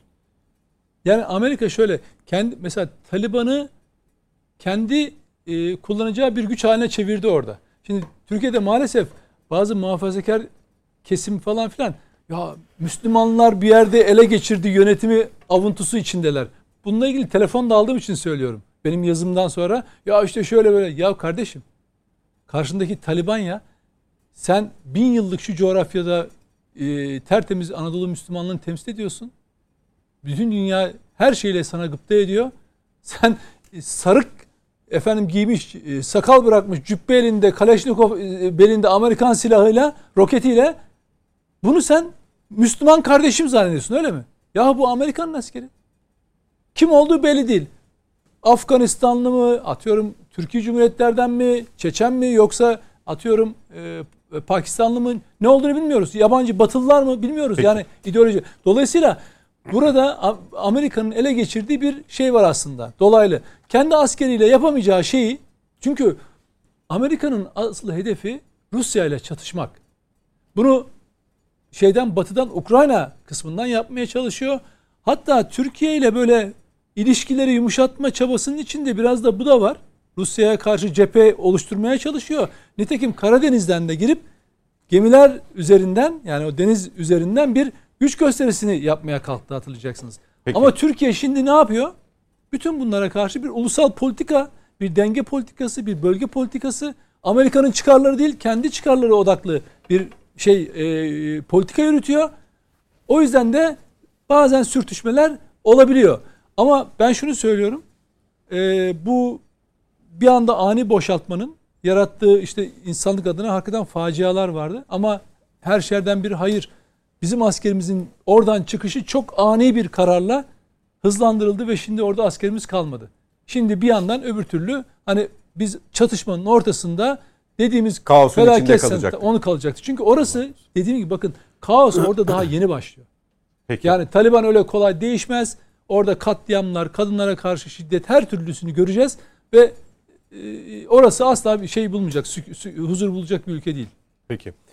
Meselenin ülkemizde Taliban düşmanlığı, Taliban sempatizanlığı üzerinden yürümesini nasıl değerlendiriyorsunuz? Bakılması gereken yer burası mı? Bir, sorunun birinci kısmı. İki, e, Türkiye e, Sayın Cumhurbaşkanı'nın birkaç kez ifade ettiği Taliban'la gerekirse görüşülür ki ilk görüşme yapıldı. Kabil Havalimanı'nın güvenliğiyle ilgili ki Taliban cephesinden de hem e, Yeni Şafak'a hem TVNet'e sözcülerden gelen açıklama e, kamuoyuna da yansıdı. E, biz Türkiye'yi NATO şemsiyesi altında olduğu için istemiyorduk ama sonraki dönem için birebir görüşme yapabiliriz. Dolayısıyla Türkiye'ye ihtiyacımız var şeklindeydi. O meyandaydı açıklama. İçeride hem bu tartışılıyor. Taliban üzerinden böyle bir tartışma var. Göç meselesi var. Ee, ki Türkiye e, Nedim Şener'in söylediği gibi ihtiyatı da elden bırakmıyor. Ama etraflı bir dış politikayla da durumu takip etme e, gayretinde. E, siz nasıl görüyorsunuz bu e, Afganistan tartışmasının boyutunu ve e, tartışma şeklini? Ee, çok güzel bir soru. İlk özellikle ilk sorunuz ben zaten oradan başlayacaktım. İçimi okumuş gibi, niyet okumuş gibi. Soruyu Bugün hep niyetle gidiyordu. Evet. Şimdi bu Taliban hadisesine bakış e, bana göre bazı kesimlerin bakışı bana göre biraz e, gerçeklik düzleminden uzak. Romantik bakışlar var. Mesela nasıl? E, bir e, kesim e, ideolojik angajmanlarla Taliban üzerinden Türkiye Cumhuriyeti Devleti içerisinde muhalif, muhafazakar hasletleri olanları, e, Kur'an ahkamına bağlı olanları, e, İslam noktasında hassas olan vatandaşlarımızı vatandaşlarımız üzerinde sopa kullanmak için bir aşağılama metodolojisi e, noktasında kullanıyor Taliban'ın o e, aşırı yorumlarını. Şimdi e, biraz önce e, Nedim Bey ona değindi. Anadolu'nun mutedil yorumu mutedil yorumu çok ilginçtir. Anadolu'nun mutedil yorumu sayesinde Balkanların büyük çoğunluğu Müslümanlaşmıştır bakın. O hadise çok önemlidir. Anadolu'nun mutedil yorumu noktasındaki bizim e, o bunu e, yayma e, eğilimi işte oraya giden ahiler, işte oraya giden giden e, tarikat ehilleri bunu Balkanlarda yaymış ve Balkan milletleri artık yani Sırp soyundan gelse dahi artık Sırplıkla bir alakası kalmamış. Sırpların dahi onları Türk olarak nitelediği, Boşnaklardan bahsediyorum, Boşnak kardeşlerimizden. Onları Türk olarak nitelediği bir noktaya gelmiştir. Şu anda Avrupa'nın ortasında, göbeğinde Müslümanlar vardır. Dolayısıyla burada e, şuna vurgu yapıyorum. Anadolu'nun mutedil yorumu önemlidir. Bizim e, tabii bu Taliban e, iki, iki hal var dedik ya. Birisi ideolojik angajmanla muhafazakarlar üzerinde sopa olarak kullanırken bir kısımda bir kısımda e, Taliban'ı tırnak içerisinde İslam olarak değerlendirip oradan heyecan duyması da aslına bakarsanız gerçeği yansıtmıyor. O da gerçek değil. E, şimdi e, Müslüman odur ki bir sokulduğu yerden bir daha sokulmayacak. Niye söyledim bunu? Yani bu üzerindeki köpüklerle uğraşmamamız lazım. Meselenin biraz köpüğü üfledikten sonraki haliyle değerlendirmemiz lazım. Bakın o Fethullahçı terör örgütü dediğimiz örgüt mensupları da beş vakit namazlarındaydılar. Oruçlarını tutuyorlardı. Görünüşte Allah kelam ağızlarından eksik düşmüyordu. Himmet sözünü içini boşaltsalar da sürekli kullanıyorlardı. İslami terminolojiye göre konuşurlardı. Belki de o noktalarında, o noktalarda belki de hassastılar. Yani din noktasında hassasiyetleri vardı. E şimdi ondan sonra gelinen noktaya baktığımızda e, ciddi bir şekilde vatan hainliği gibi bir e, hususu kendilerine hasret edildiler, kendilerine karakter edindiler ve Türkiye'de yaptıkları ortada. Dolayısıyla bizim e, bu köpüklerle ilgilenmemiz bizi aldatır. Çünkü emperyalizm o köpükler üzerinden gelir size operasyon yapar. O köpükleri kullanarak size operasyon yapar. Bakın PKK'daki Marksizm de aynı şekilde değerlendirilir. İşte sosyalist arkadaşların PKK'daki Marksist eğilimleri, Leninist eğilimleri önceleyerek adeta PKK'yı bir fikirdaşı olarak görmesi noktasında e, bir yakınlık duyması, bir o noktada bir hassasiyet olması gibi durumları biz Türkiye'de gördük. Fakat o da işte PKK, emperyalist uşağı PKK'nın görünen sosudur, köpüğüdür üzerindeki. O köpükleri üfleyip bakmak lazım. DAEŞ hakeza üzerindeki köpüktür. Köpüğü üfleyip bakmak lazım. Bunlar emperyalizmin kuklalarıdır. Net bir şekilde ifade ediyorum. Şimdi Taliban hadisesinde tabii Türkiye Cumhuriyeti Devleti'nin e, bir mutedil politikası var şu anda. Daha çok bekleyip ona göre hamlelerini yapacak Dışişleri Bakanlığı gibi gözüküyor. Açıklamalar da o yönde. Ve e, Taliban'la işte masaya oturmak gibi bir durum elbette ki Taliban'la e, eğer ortak Afganistan halkının barışı, huzuru, sükuneti için bir hamle yapılacaksa oradaki yönetimde ağırlığı olan kısım kimse ki şu anda Taliban olarak gözüküyor e, ve onunla masaya oturmak gayet tabidir. Bu Taliban'la masaya oturmak hususunda bunu ilk başlatan Amerika Birleşik Devletleri'dir. Dua görüşmeleri zannediyorum 2020 yılında oldu. Daha aslında daha önce başladı evet. ama e, son şekillenmesi ve e, götürülmesi resmi Doğa, evet. Doğa'da başladı. Saklanan Yoksa gizlenen daha uzun önceden başlamışlardı. Şu anda Rusya'da Taliban'la görüşme içi halindedir. E, Çin de Taliban'la görüşme halindedir. Bu gayet doğaldır. E, ülkelerin e, politika stratejileri doğrultusunda gelişen bir hadisedir bu. Bunu da yadırgamamak lazım. Hiç Burada tek sıkıntı zannediyorum hangi Taliban sorusunun ortaya çıkması. Ee, böyle bir risk görüyor musunuz? Şimdi Şey, orası şöyle, mı? şöyle e, kanaatim şu. Benim e, bu Taliban'ın e, homojen olmadığı ile ilgi- ilgili biraz önce değerli basın mensubu kardeşimiz de onu zikretti. Üç tane Taliban görüyorum dedi. Orada da bir homojenlik yok. Yani Taliban'da gözünde de öyle. Tabii. Değişik eğilimler var. Bu da gayet doğal. Çünkü nedir? E, bu burada aslında şunu görüyoruz. Bir liderlik, bir otorite konulmuş durumda değil. Parçalı bir yapıdan bahsediyoruz. Zaten Afganistan'ın geneline şamil olan bir parçalı yapıdır bu. Yani milletleşememekten bahsediyoruz ya onun değeri, değerinden bahsettik biraz önce. E, Afganistan'da da bunu göremediğimiz için bu tür örgütlerde de bu tür yapılanmalarda da biz bir homojen durum görmüyoruz. Bir kısım e, bir kısım daha işte belki de Avrupa Birliği'ne, Amerika Birleşik Devletleri'ne, Türkiye'ye mesaj vermek açısından eskisi gibi olmayacağız. Biz nedamet getirdik. Dolayısıyla insan haklarına özen göstereceğiz, önem vereceğiz gibi beyanlarda bulunuyorlar. Eski Taliban değiliz diyorlar ama onları işte uygulamalarda göreceğiz. Fakat şudur, e, Asya'nın tam ortasında e, hatta şu söylenir derler ki Afganistan'a hakim olmayan Asya'ya hakim olamaz derler. Dolayısıyla Afganistan Asya'nın çok orta, orta- tam ortasında ve e, pozisyon jeopolitik e, noktada çok önemli bir ülkedir. Türkiye Cumhuriyeti Devleti'nin Afganistan'da menfaatleri vardır. Türkiye Cumhuriyeti Devleti'nin Afganistan'da bulunma hamleleri de bu yüzden kaynaklanmaktadır. Hem tarihi derinlik açısından Afganistan'da olmak istemektedir Türkiye Cumhuriyeti Devleti. Bu yeniden yapılanmasında, inşasında olmak istemektedir. E, genel sosyal politik, e, sosyopolitik noktada da olmak istemektedir. Sadece müteahhitlik bazında da değil. E, olmak istemektedir. Fakat Amerika Birleşik Devletleri'nin görünen stratejisi, ben e, Amerika Birleşik Devletleri çekildiğinde de Taliban'a hakikaten çok ciddi bir soru işaretiyle bakmıştım. Şu anda onu görüyoruz. E, Amerika Birleşik Devletleri'nin pek dümen suyunun dışında bir halde olduğu kanaatinde değilim ben Taliban'ın, şu anki Taliban yapısının. E, Amerika Birleşik Devletleri oradaki destabilize ettiği ülke sayesinde bir Rusya'nın güneyini, Rusya'yı çok ciddi rahatsız edecek. Oradaki Türk Cumhuriyetlerini ciddi rahatsız edecek ve Çin'i çok ciddi rahatsız edecek diye düşünüyorum ben. Oradaki biraz önce beyan edilen Mete Yarar'ın son derece isabetli bir şekilde ifade ettiği gibi orada oluşturulan hadise düzen sağlanmasından çok düzen sağlanması hiç alakası yok.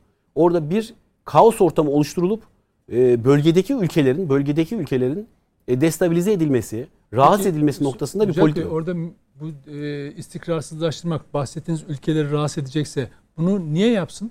Komşu ülkelerle iyi geçinmek varken Kim? Taliban mı? Taliban E şimdi diyorum ya işte o oradaki Doğa'daki Amerika Birleşik Devletleri'yle yaptığı Da- şey, toplantıda- o, Demin dediniz ya. Amerika'nın güdümünde değil dediniz ama Yok Amerika'nın güdümünde değil demedim. Tam tersine. Orayı kaçırdık galiba. Ben e, mi? Taliban'ın tabii tabii. Taliban'ın Amerika Birleşik Devletleri'nin dümen suyundan dışarı çıkacağı kanaatinde değilim dedim. Ha, öyle mi? Pardon evet, yanlış evet. anladım. ben. O fikir ters bütünlüğü noktasında sorun Pardon. yok. E, dolayısıyla buradaki e, ülkeleri destabilize etme noktasında Amerika Birleşik Devletleri'nin hamlesidir. Amerika Birleşik Devletleri askeri noktada çıksa da bence fiilen hala Afganistan'dadır. Bu DAEŞ, DAEŞ'in e, DAEŞ'in mesela DAEŞ'i biz hangi topraklardan çıktı diye düşünürüz. Bir böyle bir kanaat var mı? Laboratuvarda üretilmiş bir toplama örgüttür. Ve CIA'nin aparatıdır. Bunu e, başkan biliyorsunuz e, bir, Trump. bir önceki başkan Trump bunu çok net bir şekilde ifade etmişti. Siz DAEŞ'i ürettiniz diye Obama yönetmeni söylemişti. Dolayısıyla burada Amerika Birleşik Devletleri'nin aparatı olan DAEŞ'in bakın dikkat edin destabilize edilmek istenen ülkede bak Türkiye Cumhuriyeti dahil. Türkiye Cumhuriyeti'ndeki o Reyna ba- baskınlarını hatırlayın. Faaliyetlerini hatırlayın. Nasıl aparat olarak kullandığını birden türediklerini orada. Mesela Afganistan'da birden türediğini. işte bombalar atılıyor. Canlı bomba patlıyor. E, DAEŞ üstleniyor ondan sonra onu. Suriye'de, Irak'ta hakeza. Ama ondan sonra DAEŞ orada yok edilme bahanesiyle yapılan operasyonlarda ne oluyor? Mesela Amerika Birleşik Devletleri PYD ile çalışıyor orada. Türkiye'yi ısrarla reddediyor. Türkiye'yi reddediyor ve PYD ile çalışıyor. Sonra ne oluyor? PYD orada bir koridor Sessiz sedasız. Tabii canım bir koridor oluşturmaya çalışıyor. Ee, ne Suriye Suriye hükümeti bundan çok fazla rahatsız. Oyunun içindeler hepsi. Danışıklı dövüş. Danışıklı dövüş var orada. Dolayısıyla Afganistan'da da benzer bakın şey değil yani. Bu tipik bir İngiliz politikasıdır. Parçala, böl, parçala, yönet. Kaos oluştur. Ve Afganistan'da da şu an gördüğümüz manzara böyledir. Fakat e, şunu ifade edeyim. E, bu, bunların hepsini e, bir tarafa bırakın. Bu oyunları, emperyalist oyunlarını bir tarafa bırakın. Orada olan yine halka olmaktadır. Sivil vatandaşlar olmaktadır. Bakın bugün bir roket atılıyor. Amerika Birleşik Devletleri DAEŞ'e e, attığını söylüyor bunu. Operasyon yaptığını söylüyor. Ölen büyük bir ihtimalle sivil vatandaşlar. Ben o kanaatteyim. Öyle zaten. Irak'ta da aynı şekilde bunları gördük. Suriye'de de bunları gördük. Yani siz bu hassas teknolojileri niye üretiyorsunuz? Sivil can kaybını önlemek için mi üretiyorsunuz? Yoksa sivil can kaybının artması için direkt onları hedef almak için mi üretiyorsunuz? Pazar yeri bombalarını düşünelim tekrar hatırlayalım. Bakın Irak'ta, Bağdat'ta pazarlara atılan o kalabalık saatlerde atılan bombaları bir düşünelim, irdeleyelim, bakalım. Orta Doğu'da İsrail'in güvenliği sağlamak için oluşturulan kaos, burada da Rusya ve Çin'i rahatsız etmek için oluşturulan kaostur. Benzerdir bunlar. Peki. Ufuk Bey e, siz ne düşünüyorsunuz? Hedef Kabil'de bir panik havası oluşturmak mı? E, Taliban'la beraber Rusya'yı, Çin'i ve Amerika Birleşik Devletleri'ni mi önceleyeceğiz? Yoksa bir homojen yapıdan söz etmiyorsak Taliban yönetiminde daha başat bir e, grupla çalışmak isteyen aktörlerden mi söz edeceğiz? Bir kere istenmediğiniz yerde olmazsınız. Dolayısıyla e, Türkiye'nin askeri anlamda Afganistan'dan çekilmesi olumlu olmuştur ama muhtemelen e, sivil inisiyatif alacaktır. Yani havaalanının işletilmesi çerçevesinde. E, buradaki problem bütün bu kaos patlamaların e, yarattığı iktidar zaafının giderilip giderilmeyeceğidir. Bunu zaman içerisinde göreceğiz. Eğer geniş yelpazeli bir e, hükümet adımı e, atılabilirse oradaki havanın da e, değişeceğini görmemiz gerekir. Ben burada sunulan çerçeveyi anlıyorum ama bir ihtiyatla bakıyorum. Çünkü Amerika Birleşik Devletleri e, hiç savaşmadan e, Rusya ile olan, Sovyetler Birliği ile olan e, iki kutuplu dünya düzenini diplomasi üzerinden e, e bir kazançla e, sonuçlandırdı. E, peki bugün Afganistan'daki durumu ne? Yani bütün bu anlatılanlardan aslında Amerika Birleşik Devletleri yenilmedi. Taliban karşısındaki bir güç karşısında yenilmesi mümkün değildir gibi bir yaklaşım bu ABD'nin yenilmezliği efsanesini genişletebilir. Halbuki Biden'ın vücut diline bile baktığınızda vücut eğer profesyonel bir oyuncu değilse nasıl bir e, e, travma e, yaşandığını e, görüyoruz. Yani ABD'nin e, Taliban'la anlaşmak zorunda kalması bile bir zaaftır. Bizim bütün bu bütün hayatımız bu Afganistan meselesiyle geçti. Biz öğrenciydik. Babrak Karmal yönetimi e, Sovyetler Birliği'ni davet edince bazı arkadaşlarımız işte tırnak içinde gericiliğe karşı olumlu bir yaklaşım diye bakarken biz emperyalist bir müdahale olarak değerlendirmiştik. Tabii ki ABD'nin müdahalesine de Sovyetler Birliği müdahalesine de karşı çıkmak lazım ama Afganistan bütün bu, bu kabile örgütlenmesi içerisinde e, kendi içsel e, dinamiklerini oluşturabiliyor mu? E, kaos büyük ölçüde oradan kaynaklanıyor. ABD yenildikçe Hollywood tarzı Rambo'larla ABD'nin asla yenilemediği filmlerde anlatılıyordu. Şimdi bu bazı stratejistler de e, siyasi Rambo değerlendirmesi yapıyor. Yani bakmayın ABD aslında büyük zafer kazandı diye. Bundan emin değilim. Bu, bunun bir rasyonelleştirme faaliyeti olduğunu düşünüyorum ve her türlü aşırı rasyonelleştirme irrasyonelleştirme. Neyden emin değilsiniz Ufuk Bey orayı anlayamadım. Yani ABD'nin aslında duruma zafer... hakim olduğu bir şeyin değişmediğini, zafer kazandı falan böyle bir durum olduğu kanaatinde bunu değilim. Sadece Göz... bunu sadece Biden'ın şu duruşundan mı okuyorsunuz? Yani Hayır. Bunun için Fukuyama'yı da okumanız yeterli. Fukuyama bütün tezlerini revize ederek aslında ABD'nin e, hegemonik güç olmaktan çıkmaya başladığını çok açıkça ifade etti. Hegemonya nedir? Kuralları koyma imtiyazıdır. Ya dünya genelinde var olan kaos zaten kuralları konulmaz hale getiriyor. Zaten uluslararası ilişkiler disiplini bilimsel bir disiplin midir sorusu o yüzden soruluyor. Çünkü siz e, bir düzen olduğunu varsayarak bir e, sosyal a, alan inşa ediyorsunuz. Ama söylendiği gibi eğer o e, düzen yoksa yani kaotik bir ortam varsa e, onun teorik e, analizlerini e, nasıl e, yapacaksınız? Bombaları kim patlatıyor? E, işte bu zaten e, buradaki belirsizlik orada. Yani ABD de patlatıyor, e, DAEŞ de patlatıyor. Ama bizim burada altını çizmemiz gereken nokta e, Taliban'la ilgili dini ortaklık meselesi değil ki. Taliban'ın Rusya'yla, Çin'le, İran'la nasıl bir dini ortaklığı olacak? Buradan yola çıkarak orada kurulan e, siyasi ilişkileri de anlamamız e, mümkün değil. Ama bir şeyin altını çizmek gerekiyor. Afganistan'ın sınırlarını aşması e, konusunda 69 ülke bir çağrıda yaparken e, Türkiye'nin hızla bu 69 ülkeye o zaman bu e, göç e, dalgasını e, paylaşmalıyız, ortaklaşmalıyız e, çağrısı gibi bunu okuduklarını ifade etmeleri gerekiyor. Ayrıca Afganistan'da e, e, havaalanı etrafındaki güvenlik zaafının e, kendisi de e, oradan uçakların uçurularak insanların ölüm, öl, ölmesine neden e, olunması da e, uluslararası hukuk e, ekseninde ciddi bir sorun olacaktır. Frankenstein romanını sadece roman olarak okumayın. Yani Usama Bin Laden'i ABD yaratmadı mı diye bakılamaz. ABD'nin yarattığı Usama Bin Laden daha sonra ABD ile kavgalı hale geldi.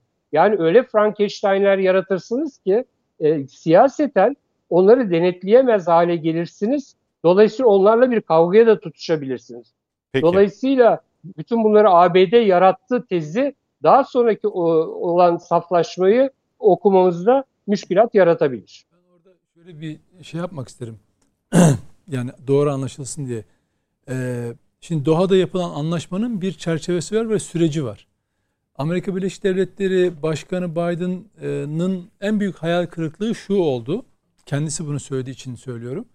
Afganistan ordusuyla 300 bin kişilik Afganistan ordusuyla 75 bin kişilik Taliban ordusunun çatışacağını planlamışlar. Bütün plan bunun üzerine kurulu. Ve hatta Genelkurmay Başkanı bu konuda açıklama yaparken Amerika'nın e, biz 11 günde ordunun teslim olacağını, tasfiye olacağını asla istihbar edemedik. Yani bunu öngöremedik diyor. Gerçekten beklenmeyen bir şey. Bir anda e, Eşref Gani'nin ülkesini terk etmesi, ordunun bir anda tasfiye edilmesi Herhangi inanılmaz bir, bir otorite. Yani Taliban bile hani Taliban'ın yaşadığı bazı şaşkınlık ve kendini anlatma çabası bundan kaynaklanıyor. Şimdi hani bazen bilgi eğer elimizde bilgi yoksa sorular bizi belki ol, e, gerçeğe götürebilir. Eğer Amerika Birleşik Devletleri e, dünyaya bu şekilde bir imaj yaratmayacak, daha onu e, güçlü e, kılacak, güçlü gösterecek veya olması gerektiği gibi bir tasfiye, bir pardon tahliye programı uygulayamaz mıydı? Yani önce asker, oradaki askeri varlığını güçlendirip bütün ülkede çıkmak isteyen işte 10-15 bin civarında Amerikalı, işte 100 bin civarında Afgan yardımcıları olan hani bu e, Amerika'ya çalışmış olanlar dahil olmak üzere bunları bir 31 e, Ağustos'a kadar askeri varlığıyla güçlendirilmiş bir ta- tahliye koridoru oluşturup insanları taşıyamazlar mıydı? Bunu yapamazlar mıydı? Ki Af- Kabil henüz daha e, düşmeden. Bunlar yapılabilirdi. Yani bir yani koskoca Amerikan ordusunun Amerikan Ki Taliban da çatışarak gelmiyor bir de yani. Üstüne üstüne. Adam şaşırdı zaten. Şaşırdı yani adam. tek mermi atmadan Kabil'i aldılar. Peki yani rapor adamlar... doğru mu peki? Ha?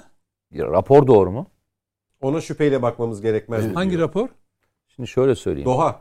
Yok. Şimdi Amerikalılar diyor ki 300 bin kişilik bir ordu yaptık biz ve biz bu ordunun direneceğini düşünüyorduk diyor değil mi? Taliban'a karşı. Peki ben şöyle söyleyeyim. 20 senelik tecrübe içerisinde görüldü ki Afgan ordusu Taliban'la savaşmıyor. Afgan ordusunun savaştığı tek bir yer var. Şehirleri koruyor. Şehirlerin dışındaki %60'lık alan, %70'lik alan zaten Taliban'ın kontrolünde. Sağlık. Ta başından beri. Yani bu kadar hava desteği, bu kadar uydu desteği, bu kadar istihbarat desteği verilmiş bir Afgan ordusu Amerikalılar oradayken savaşmıyor. Sence Amerikalılar çekildikten sonra savaşacağını ve bu mücadeleyi devam ettireceğine Amerikalılar gerçekten inanıyor muydu? Hayır zaten şöyle. Bu da bir soru e, tabii. Şöyle Amerika oradayken o çatışmaya girebilirlerdi. Yani işte o silahları kullanma becerisi kimdeyse Amerika'daysa yönlendirme Amerika, konusunda. Ben de bunu söylüyorum. Amerika bunun zaten olacağını net olarak böyle biliyor. Okumuş duruyor. Hayır, ada, bakın şunu söylemeye Amerika'nın şaşırmasına gerek yok. Yok bu rapor tamam. böyle. Ben bu, de aynı kanattayım. Ben, yani insanlara yayınladıkları raporla gerçek elindeki raporun ben böyle olmadığını ben, düşünüyorum. Ben şimdi eğer böyle bir şey şimdi şöyle eğer bu rapor zaten ellerinde 11 günde teslim olunacağına dair bir rapor olmadığını veya bir tahmin etmediklerini söylüyorlar. Şimdi bu hani fikir yürütmemizi gerektirmeyecek netlikte yapılmış açıklamalardan hareket ederek söylüyorum. Ben de diyorum ki Amerika bu şekilde yani nasıl öngöremezsin? Senin Afgan ordusu içinde e, yetiştirdiğin insanların özellikleri hakkında veya Taliban içinde zaten görüşmeler yapıyorsun ve belli Doha'dan itibaren bir süreç yürütüyorsun. Bütün aşamalarında kontrol şey bilgi sahibisin. Hatta uluslararası ajanslar hangi eyaletlerin ne kadar kısa süre içinde e, alındığını bütün Afganistan'ın 6 ay sürmeyen yani yılbaşını bulmayacak şekilde Taliban'ın eline geçeceğini öngören haberler yazıyorlar. Şimdi hal böyleyken sen şunu yapamaz mıydın? Askeri varlığını kendin güçlendirip işte bugün tahliye için gönderdim 5 bin 10 bin civarındaki askeri gö- göndererek Taliban'la zaten bir anla- mevcut anlaşmanın çerçevesinde boşaltamaz mıydın? Boşaltırdın. Ama niyetin o değil. Mete'nin söylediği gibi yani ben diyorum ki niyeti o değil. Niyeti bir e, gelirken Taliban'ın nasıl ilerlediğini zaten öngörebiliyor. Afganistan ordusunun yaşayacağı bir çatışmanın çatışmayla yani pek tek ummadıkları şey Afganistan ordusunun silahları bırakıp tasfiye olacağı, sivil kıyafet e, giyip sokaklara çıkacaklarını yani halkın arasına karışacaklarını öngörmüyorlar. Bir tek onu öngörmüyorlar. Orada çatışma çıkacağını öngörüyorlar ve zaten isteklerinin bu olduğunu düşünüyorum ben. Neden? Çünkü şöyle olabilirdi. Yani burası tamamen Taliban'ın eline geçecek kardeşim. O zaman ben orada Türkiye'ye niye e, pazarlık yapayım ki? Neyin pazarlığını yapacağım? Yani o havaalanını korumamın Peki. elçiliğin bile olmayan bir ülkede ben Türk askerinin korumasına niye ihtiyaç duyayım? Niye böyle bir pazarlığın içine gireyim ki? Ama onlar o çatışmanın içinde Türk askerini bırakacaklardı. Ben onu söylemeye çalışıyorum. Bir tuzak vardı orada. Ben bir... Ya, ama bütün bu olay Afganistan'da bir anda tahliyelerin yani aniden kopması, o kaosun doğmasıyla Ufuk Hoca'nın söylediğimiz boyuta geçiyoruz. Artık o Frank yarattığınız o şeyi siz kontrol edemiyorsunuz Frankenstein'ı. Peki. Ya şöyle söyleyeyim. Ufuk, e, Ufuk Hoca'nın e, söylediğine bir geri dönüş yapayım ve orada bir ekleme yapayım. E, şimdi Vietnam'dan çıkarken e, ne düşündüğünü bilmiyoruz ama şimdiki belgelerde Vietnam'dan çıkarken ne düşündüğünü biliyoruz. Hatırlayın Vietnam'dan çıkarken Güney Vietnam hükümeti Amerikalıların çekilme tarihi ve anlaşmanın içeriğiyle ilgili hiçbir bilgileri yok biliyor musun? Nixon'la e, Kuzey Vietnamlarla görüşmelerden hiçbir haberleri yok.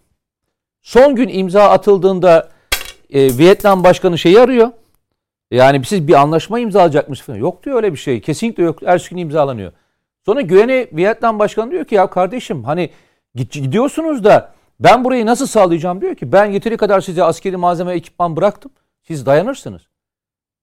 Düşünsene Amerikan ordusu oradayken Güney Vietnam, Kuzey Vietnam'a direnemiyor. Amerika açıktan sonra dayanacağını düşünüyor mu? Yok. Toplum açıkladığı rakam ne? Biz Güney Vietnam ordusunun savaşacağını düşünüyoruz. Ne kadar zamanda düşüyor Güney Vietnam? Libya'dan çekilirken e, açıklama neydi? Irak'tan çekilirken açıklama neydi? O zaman hatırlıyor musun? Hı hı. Hatırla ne diyordu? Biz Irak ordusunu yetiştirdik. Irak ordusu bundan sonra her şeyi yapabilir. Irak ordusu 30 bin askeri Musul'da DAEŞ'e bir saatte teslim etti bütün silahlarıyla beraber. Ve şimdi yönetim biçiminden Ama arkasından ediyor. kim geldi? Her defasında dikkat edin. Libya'da giderken arkasından kim geldi? DAEŞ geldi. Irak'ta giderken arkasından kim geldi? DAEŞ geldi. Geçmiş örnekler bir sonraki örneği de açıklıyor. Bravo doğru. Suriye'de, Bugünkü o çıktı buraya geliyor. oldu. Suriye'de aynısı oldu. Tabii Suriye'de aynı. Peki. Ara vakti son bölüme giriyoruz tamam. dönüşte. Biz devam edeceğiz net bakışa. Ayrılmayınız efendim.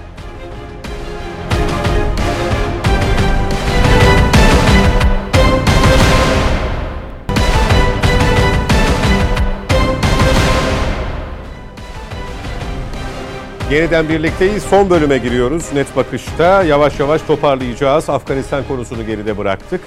Ee, hem Nedim Şener hem diğer konuklarımız bir parça değinmişti ki bugün kendisinin Hürriyet gazetesindeki yazısı Kılıçdaroğlu'nun biliyorsunuz geçtiğimiz hafta yaptığı bir açıklama vardı CHP liderinin.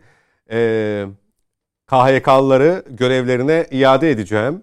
Ee, sonrasında kendisine birkaç soru yöneltildi. Bunu açar mısınız şeklinde ama Nedim Şener olayı e, bugünkü yazısında şöyle özetliyor. Kimler iade edilecek ara başlığıyla herkesi görevine iade edeceğini söylüyor. Yeter ki teröre bulaşmamış olsun şerhiyle. Ama beraberinde bu da birçok soruyu getiriyor tabii. Nedim Şener? Evet. Ee, şimdi aslında iyi oluyor böyle açıklamaları. Çünkü ne yapmak istediklerini e, anlıyoruz. E, KHK'lılar konusunda mağdurlar var mı? Haksızlığa uğrayanlar var mı? Var. Ufuk Hoca'nın söylediği gibi. Göreve iade edilenler var mı? Var. Var. Yani Ufuk Hoca da söyledi. Herkesi aynı potaya koymamak lazım. Aynen o yapılıyor. Nitekim Avrupa İnsan Hakları Mahkemesi e, OHAL komisyonunu e, bir başvuru adli olarak başvuru e, hukuk alanında başvuru olarak e, öngördü. Onu kabul etti. E, oraya yapılan ahime yapılan başvuruları OHAL komisyonuna yapın önce diyor. Oradan geçsin diyor. Sonra Avrupa Konseyi gelip denetlemelerde bulundu. Son derece olumlu raporlar yaptı. Çok hızlı ve e, şeffaf çalışıldığını raporlaştırdı. Dolayısıyla uluslararası hukuki kriterler açısından hiçbir sorun yok OHAL komisyonunun çalışmasında. Ve OHAL komisyonunun yaptığı çalışmalar sonucunda 115 bin, 120 e, bin civarındaki e, açığa alınan kişilerden %90'ının işlemini tamamladı. 14 bin civarında kişinin ve kurumun mağdur olduğunu e, ve iadesi gerektiğini karar verdi. Bunun 4000'e yakın civarı iade edildi. Bunda sivil ve askeri e, yetkililer de var. Hatta kapatılmış bazı kurumlar, dernekler, medya organları dahil açılması kararı verildi. Ve diğerleri de bekliyor peyderpey. Bazıları mesela emniyet gibi, istihbarat gibi konularda kurumların inisiyatifi çok önemli burada. Çünkü e, kur, yani bütün kanuni haklarını alabilir, e, geçmişe dönük kazanımlarını alabilir ama devletin o kurumuyla o çalışan arasındaki güven e, ilişkisi sorunlu hale gelmişse her ne olursa olsun kurumun bunu kabul etmeme gibi bir hakkı, inisiyatifi de var. Dolayısıyla bir 10 bin civarında şey bekliyor. Bir başvuru bekliyor. İade Şimdi, talebi reddedilen 50 bin kişi var. Tabii. Bu hayır.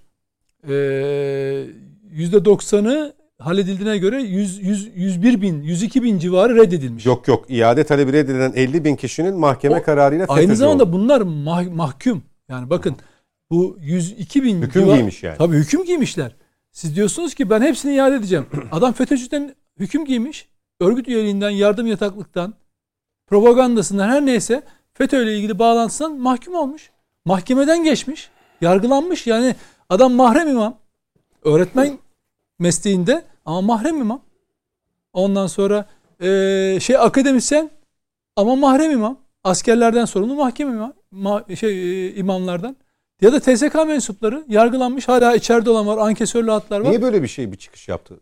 Şimdi bu yani Türkiye'deki e, hani adalet konusunu e, gündemde tutmak amacıyla yapıyor diye düşünüyorum. Bir, birincisi ilk düşüncem şu iyi niyetinden ya da bilmezliğinden diye düşünüyorum. Ama bir muhalefet partisinin genel başkanının bunu yapması mümkün değil. Kaldı ki bunu bunu araştırdığınız zaman sosyal medyada paylaşılmış. Bir süreden beri bunun üzerine çalışıyorlar. Önce bir genel başkan yardımcısı bu bu konuda açıklama yaptı. Dedim ki bu hatadır. Yani dil sürçmesi var. Herhalde hakları yenilen, mağdur olan o 14 bin 15 bin kişiyi kastediyordur. Hı hı. Dedim düzeltirler. Zaten çok ses çıkmadı. Sonra Sezgin Tanrıkulu benzer bir şey söyledi. Bu da düzeltilebilir bir hata gibi. Yani evet bazen siyasetçi konuşurken hani hukuki terimleri farklı kullanabilir. Kılıçdaroğlu bunu söyleyince bir de arkasını araştırdığınızda meğer bir bu konuda bir paket hazırlıyorlarmış. Şimdi ben haftalardan beri diyorum ki seçime giderken Türkiye'de en önemli iki tane terör örgütü var. PKK ve FETÖ. Oy vereceğiniz partilerin bu konudaki mücadele planlarını öğrenin. Ona göre oy verin diyorum. Adamların meğer FETÖ'cüleri geri getirme planı varmış. Ben tam tersini bekliyordum. Çünkü niye? Ya Fethullahçı terör örgütü dediğiniz şey böyle KHK mağdurluğu adı altında e, ne derler e, ılımlaştırılamaz, şey yapılamaz, mağduriyet hikayesi devşirilemez. Türkiye Cumhuriyeti'nde bakın burada Ufuk Bey daha bizden de e, yaşı biraz daha vardır herhalde. Bizi izleyenler bir düşünsünler. Bir gecede Türk Silahlı Kuvvetleri'nde sızmış FETÖ'cüler tarafından şehit edilmiş bir 251 kişi katledilmiş insanımız oldu mu bu tarihte? Türk tarihinde böyle bir ihanet var mı? Haşhaşilerden biri var mı? Yok. Ve bu adamlar sadece bunu değil 400 bin insanın da sorular çalarak üniversite sınavlarında, askeri okullarda, polis okullarında sorular çalarak 400 bin insanı mağdur ettiler. Kumpas kurarak binlerce insanı mağdur ettiler. İnsan öldürdüler. Hrant Dink'ten bahsetti. Fethullahçı terör örgütünün gözetiminde Ergenekon operasyonunu başlatmak için katledilmesine göz yumdular. Göz yumdular. Mahkum oldular bu konuda istihbaratçılar. Ve bütün Hrant Dink'in arkadaşları dahil onları enforma eden istihbaratçı Ali Fuat Yılmazer mahkum oldu bu konuda. Hiç kimsenin sesi çıkmıyor. Ya Peki. ben diyorum ki ya Hrant Dink'in hiç hatırı yok mu? Ben Hrant Dink'le hiç tanışmadım. Ben tanımıyorum. Bizim belki yaşasa tartışacağımız başka yani karşı karşıya tartışacağımız farklı görüşlerimiz vardır. Ama ya bu bir insan değil mi? Tabii ölmeyi hak etmedi. Bu Ermeni kimi Ermeni olduğu için, kimi sosyalist olduğu için, kimi liberal olduğu için sahip çıkıp ama ulusalcılar bu cinayeti işlediler dedikleri zaman mahkeme salonlarını dolduranlar FETÖ'cüler yargılamaya başlayınca ortada görünmedi. Ya ne gariban adammış. Ne vatansever adammış. Ne iyi adammış Hrant Dink ya. Keşke tanışsaydım. Allah ra- razı olsun. Kardeşi Orhan Dink'le tanıştım. O benim abim oldu yani. Cezaevinde bana sahip çıkan, destek olan, sessiz, namuslu, güzel bir abidir tamam mı? Osrof Dink yani. Ama Hrant Dink yapayalnız bırakılmış. Bugün birileri tarafından sadece söylem olarak kullanılan kişi. Peki. Yani şimdi bakın özür dilerim tamamlarım. Ben bu konuda biraz dertliyim o yüzden e, Benim Mete- süremden alabilirsin. Benim süremden alabilirsin. Böyle yapar bana. Benim Şimdi- alıyorsun. Oturup bütün bu acıları yaşatmış FETÖ'cüleri siz diyorsunuz ki ben hepsini iade edeceğim. Deseniz ki ben bu 14 bin kişiyi iade için her şeyi ortaya koyacağım. Nedim sen de canını verir misin? Veririm. Bu 14 bin kişi için ben de senden kavga ederim hükümete karşı. Her gün yazarım. Her gün yazarım. Ama sen diyorsun ki ben hepsini kim var hepsinin içinde? İstihbaratçılar var. Diyor ki teröre bulaşmamış. Peki eee Mesela kumpasları kuran ve ihraç edilen hakim savcılar var. Hala bazıları tutuklu, bazıları e, hala dışarıdalar. Al onlardan Adalet Bakanı yap. Aday olarak göster. Kaçak korsan avukatlık yapıyorlar sağda solda. Al onlardan bazılarını partinde çalıştır o zaman. Ee, mesela Zekeriya Özlü İstanbul Başsavcısı yapacağım de. Adamın terörle ne alakası var mesela?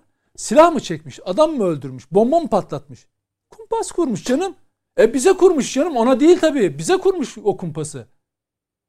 Bunları bunları iade edecekmiş. Desen ki ya senin FETÖ dediğin zaman şey o bildiğin bir terör örgütü değil. PKK'lı gibi dağa çıkmış falan değil. Bu devletin içine sızmış ve her kötülüğü yapabilen senin partinin genel başkanını bile oturup kameraya kaydeder ve e, istifa ettirir. Ağzını dahi açamaz. Getirir sana olduğu gibi 17-25 Aralık belgelerini verir. Sen de servis edersin. Ama terör örgütüyle ilişkiye girdiğin zaman esiri olursun. Bak bugün biraz da ondan yapıyorlar. Niye FETÖ'ye ağzını açamıyorlar? 15 Temmuz'dan beri 20 Temmuz'a darbe darbe darbe dediler. Peki 15 Temmuz'a niye kontrol darbe dediler? Çünkü FETÖ ağzıydı. Ben onlara FETÖ'cü oldukları için söylemiyorum bunu ha yanlış anlamayın. FETÖ'nün zaten siyasi ayağı falan yoktur. Kullandığı siyasetçi vardır. Bu Çiller olur. Efendim Demirel olur. Erdoğan olur. Kılıçdaroğlu olur. Eğer iktidarla çalışamıyorsa muhalefet olur. İyi Parti olur. Fark etmez. Onu o kullanacağı parti arar. O renge girer. Temasları da var. Girmeye çalışıyorlar. Görüşmeye çalışıyorlar hala bu şeyde Hı hı. konjektürde. Dolayısıyla burada teröre teröre bulaşmamış derken neyi kastediyorsunuz? Darbeye darbe girişimine. Peki darbe girişimine esas alalım. 5600 subay az subay katıldı darbe girişimine. Ama bugün Cumhurbaşkanı da açıkladı. Ben aylardan beri yazıyorum. 25 bin hatta Cumhurbaşkanı açıklamasına bağlı kalayım. 21 bin FETÖ'cüyü 15 Temmuz'dan sonra ihraç ettik dedi. Darbeye katılmadıkları halde darbe gecesi silah da sıkmadılar bu adamlar. Ama mahrem imamlarla görüşmüşler. Ankesörlüğü, baylok veya ifade var haklarında ve 21 bin kişiyi ihraç etmişiz. TSK'dan ihraç etmişiz. O zaman Kılıçdaroğlu'na göre bu 21 bin kişiyi biz tekrar orduya dolduracağız. Ama mesela aralarında kim var biliyor musunuz? Kendisinin FETÖ'cü olduğunu itiraf eden Kara Kuvvetleri İstihbarat Başkanı'lığına atanmış olan Serdar Atasoy var. Serdar At- Al onu oraya getir. Al onu oraya getir. Ya ben en iyi niyetli diyorum. Ne dediğini bilmiyor yani. Bak gerçekten ne dediğini bilmiyor. Bir de bunun bu halka bu kadar e, gözünü karartarak bu kadar büyük bir kötülük yapabileceklerini tahmin dahi edemiyorum biliyor musunuz? Yani bunun ne tür sonuçlar çıkaracağını aklıma bile getirmek istemiyorum. Ya bu millet bak bu millet tankla F-16 ile üzerine saldırana göğsünü siper etti. Sen getir bak ben sana kaos ülkede kaos nasıl çıkacak göreceksiniz o zaman. Bak ülkede kaos nasıl çıkacak. Sen o 120 bin kişiyi getir ata. Diyeceksin ki ben hepsini kastettim. Neyi kastettin kardeşim sen? Devlet zaten git orada o hal komisyonu 14 bin kişi hakkında hak ihlali vermiş. Evet. Tale- taleplerini kabul etmiş. Onlar için hiç olmazsa sana FETÖ'cüler oradan buradan döküman, evrak, dosya gönderiyorlar. Sen de oturup birilerinin gazıyla bir şey yapıyorsun. Hiç olmazsa devletin o haline gitti ki ya kardeşim burada nasıl iş yapıyorsunuz? 20 ayrı kurumdan 100 tane kriteri esas alarak kişiler hakkında inceleme yapıyor. Size bakın rakamlarla söyleyeyim. 49 102 bin kişinin talebi reddedilmiş. 14 bin kişi kabul edilmiş. 9 bin civarında da işlem bekliyor daha. Çok az kaldı. Yani %90'ına kadar bitti bu iş. 49.844 kişi mahkemelerde FETÖ üyeliğinden yargılanmış, mahkum olmuş. Nasıl iade edeceksin sen bunları? Hepsini iade ediyordun hani. Teröre bulaşmamış. E burada te- hepsi teröre bulaşmış diye yazmıyor ki. Terör örgütü üyesi. Teröre finansman. Bundan bahsediyor. Baylok çünkü Yardım onun, onun kriterleri var. üyesi olmamakla birlikte yardım yatar. Yardım. Nasıl yapacaksın? 2. 42.461 kişi hakkında da soruşturma ve yargılama yani kovuşturma devam ediyor. Bunu ne yapacaksın? Hakimlerin elinden alıp Göreve iade mi? görev mi yazacaksın? Bunun yarattığı, yaratacağı etkileri olduğunu hesaplayamıyor musun sen? Bugün FETÖ'yle mücadeleden çok az sayıda kamu görevlisi kaldı. Hakim, savcı, polis, istihbaratçı. Bu adamlar demeyecekler mi? Ha, ya bu iktidar değişirse bunlar iadeli olacaklar. E ben bu kararları vermeyeyim. Bu soruşturmayı yapmayayım. Ya da ben yakalamayayım gitsin hırsız falan filan. Öyle mi? Yani sen devleti terör örgütüne karşı mücadele ederken o mücadele azmini kırmak için mi bunu söylüyorsun? Tabii o da var şimdi. Bak olayın bir boyutu daha var. Tabii. Dolayısıyla hani siyasetçi ağzına bu öyle hafif geçilecek bir şey değil. Ben şunu anlamıyorum. Ne iktidardan ne muhalefetten. Bakın Bülent Arınç aynısını söyledi. KHK faciadır dedi. Aynı Kılıçdaroğlu gibi saçma bir ifa şey örnek verdi. Ne yaptı? Dedi ki bir Danıştay üyesi var. Benzin istasyonu bilmem ne falan orada gördüm bilmem orada çalışmış. Bu da diyor ki bir polis gördüm ben diyor şeyden e, e, takipçi kararı almış diyor. iade edilmemiş falan filan. Kardeşim bak Serdar Atasoy takipçi kararı almış. Mahkeme tarafından da onaylanmış. Onun üzerine Kara Kuvvetleri Komutanlığı İstihbarat Başkanlığı'na atandı. Ama Ümit Dündar sayesinde göreve başlatılmadı. Sonra ankesörlü hatta ortaya çıktı ki meğer adam FETÖ'cüymüş şey verdi. Şimdi Bülent mesela şöyle düşünün. Bülent Arınç ya KHK faciadır falan dedi. Ya bütün muhalefet takımı CHP'liler dahil olmak yazarı çizeri hepsi ne yaptı? İşte gördünüz mü AKP böyle. Bunların FETÖ'yle mücadele edeceği falan yok. Çünkü niye? Cumhurbaşkanı danışmanı, baş danışmanlarından şey e, konsey üyesi e, Bülent Arınç bunu dedi. Erdoğan'dan habersiz bunu yapması imkansız. Dolayısıyla bunlar KHK'ları bilmem ne yapacaklar. E aynısını Kılıçdaroğlu söyledi. Aynısından daha fazlasını. Daha fazlasını söyledi. Aynısını hatta. söylemedi o ya. çünkü hatta e, dedi ki özür diledi sonra. Çünkü Cumhurbaşkanı devreye girdi. Cumhurbaşkanı onu eleştirince özür diledi. Şimdi Kılıçdaroğlu söyledi bunu. Ne yandaş gazetecisinde laf var. Hani en ufak eleştiri var. Ne milletvekillerinde. Ya en acısı şu. Orada Ergenekon balez operasyonlarında e, e, mağdur olmuş milletvekili yapan insanlar var. Ya biriniz de izzeti nefsiniz için deyin ki ya ne saçmalıyorsun kardeşim Cumhuriyet? Halk Partisi içinde kastediyorsun. Onu söylüyorum ya. Ya deyin ki ne saçmalıyorsun ya? Yeter senin siyasetinden de milletvekili de olmak istemiyorum. Sen de istemiyorum. Nedir ya bu? Niye demiyorsun ya? Niye demiyorsun? Bak ben 2014'te demişim ki AKP şey AKP ile FETÖ'nün işbirliği yaptığı dönemden sonra bir mücadeleye başladı. Sonrasında Kılıçdaroğlu e, FETÖ'nün yanında e, şeyde hizalandı. 7 yıldan beri aynı şeyi söylüyorum. Ve maalesef keşke ben yanlış olsaydım. Bugün yaptığın şey lafla KHK'ları iade edeceğiz. Şey e, hepsini iade edeceğiz dediğin zaman da sen beni doğrulamış oluyorsun. Peki. Görünen buydu. Peki. Mete Yarar'ın süresinden aldın. Ben, o evet, feragat o yüzden ediyor yok. galiba Ben ama feragat yine, ettim. yine vereceğim birkaç cümle. Peki. Kalır Ee, kalır. Mücahit Bey e, bu açıklama yapılır yapılmaz ses hemen Amerika Birleşik Devletleri'nden geldi. Nedim Şener takip etti. Hatta zannediyorum Adem e, Twi-. Tabii. Twitter'dan da Diğer paylaştı. Şeylerde. E, hatta bunu direkt bir propaganda Tabii. e, ifadesiyle Dedi ki e, Sayın Kılıçdaroğlu yanlış hatırlamıyorsam Tabii. düzeltin lütfen. E, Erdoğan'ın karşısına ilk defa Evet. e, elle tutulur bir argümanla çıktı Tabii. gibi bir o meyanda bir ifade kullandı. İşte budur. Yani hakkını teslim eder şeklinde. Tabii. Bu bir anlamda onlar açısından da umut tırnak içinde. Neden böyle bir açıklamaya ihtiyaç duydu ve e, sürdürdü CHP ve Sayın Kılıçdaroğlu size göre? Şimdi Sayın Kılıçdaroğlu yönetimini ve Sayın Kılıçdaroğlu'nu anlamak için 3 3 tarihteki kritik duruşuna bakmak lazım. Birincisi o e, milletimizin çok yakından takip ettiği, bildiği kaset operasyonu sonucunda biraz önce Nedim Bey değindi. Kaset operasyonu sonucunda Deniz Baykal'ın alaşağı edilmesinden sonraki hadiseyi iyi okumamız lazım. Yani bu zat Cumhuriyet Halk Partisi başına nasıl geldi veya getirildi? Hangi sürecin sonunda geldi? Ve e, seçimleri kaybede kaybede e, oy oranını arttıramamasına rağmen Cumhuriyet Halk Partisi'nin başına nasıl kaldı? Bu soruları sormamız lazım. İki, eşyanın çünkü tabiatına doğal akışına aykırıdır bu. Doğal seyre aykırı ve haldir bu.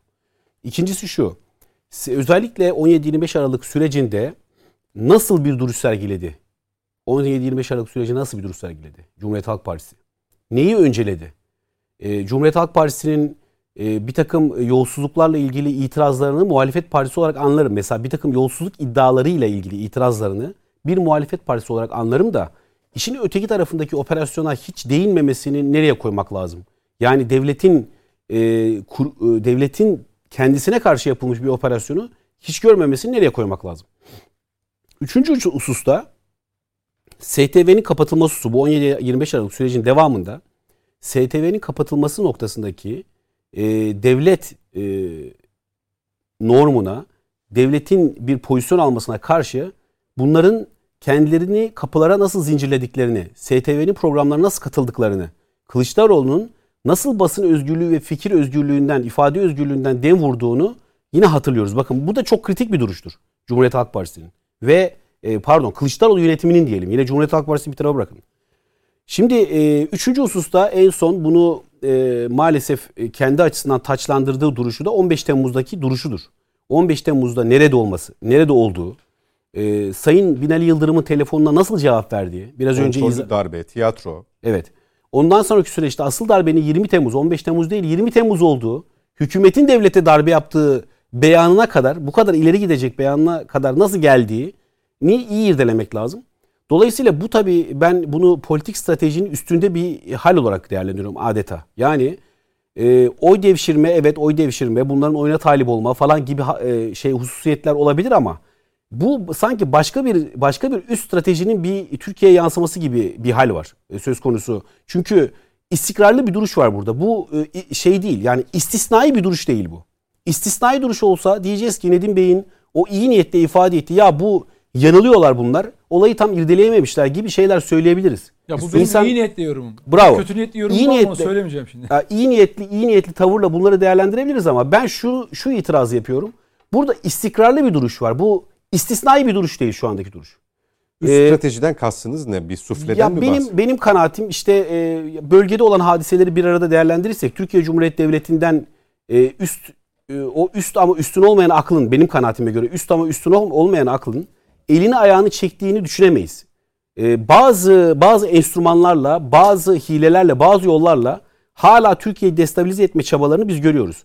Mesela Biden'ın açıklaması bunun e, suya çıkmış halidir. İşte Türkiye'de muhalefeti destekleyeceğiz. Bir başkan adayının Türkiye'de muhalefeti destekleyeceğiz şeklindeki açıklaması, izahı bunun suya çıkmış halidir. Dolayısıyla bu o, emperyalist oyunların Türkiye'de bittiği kanaatinde değilim.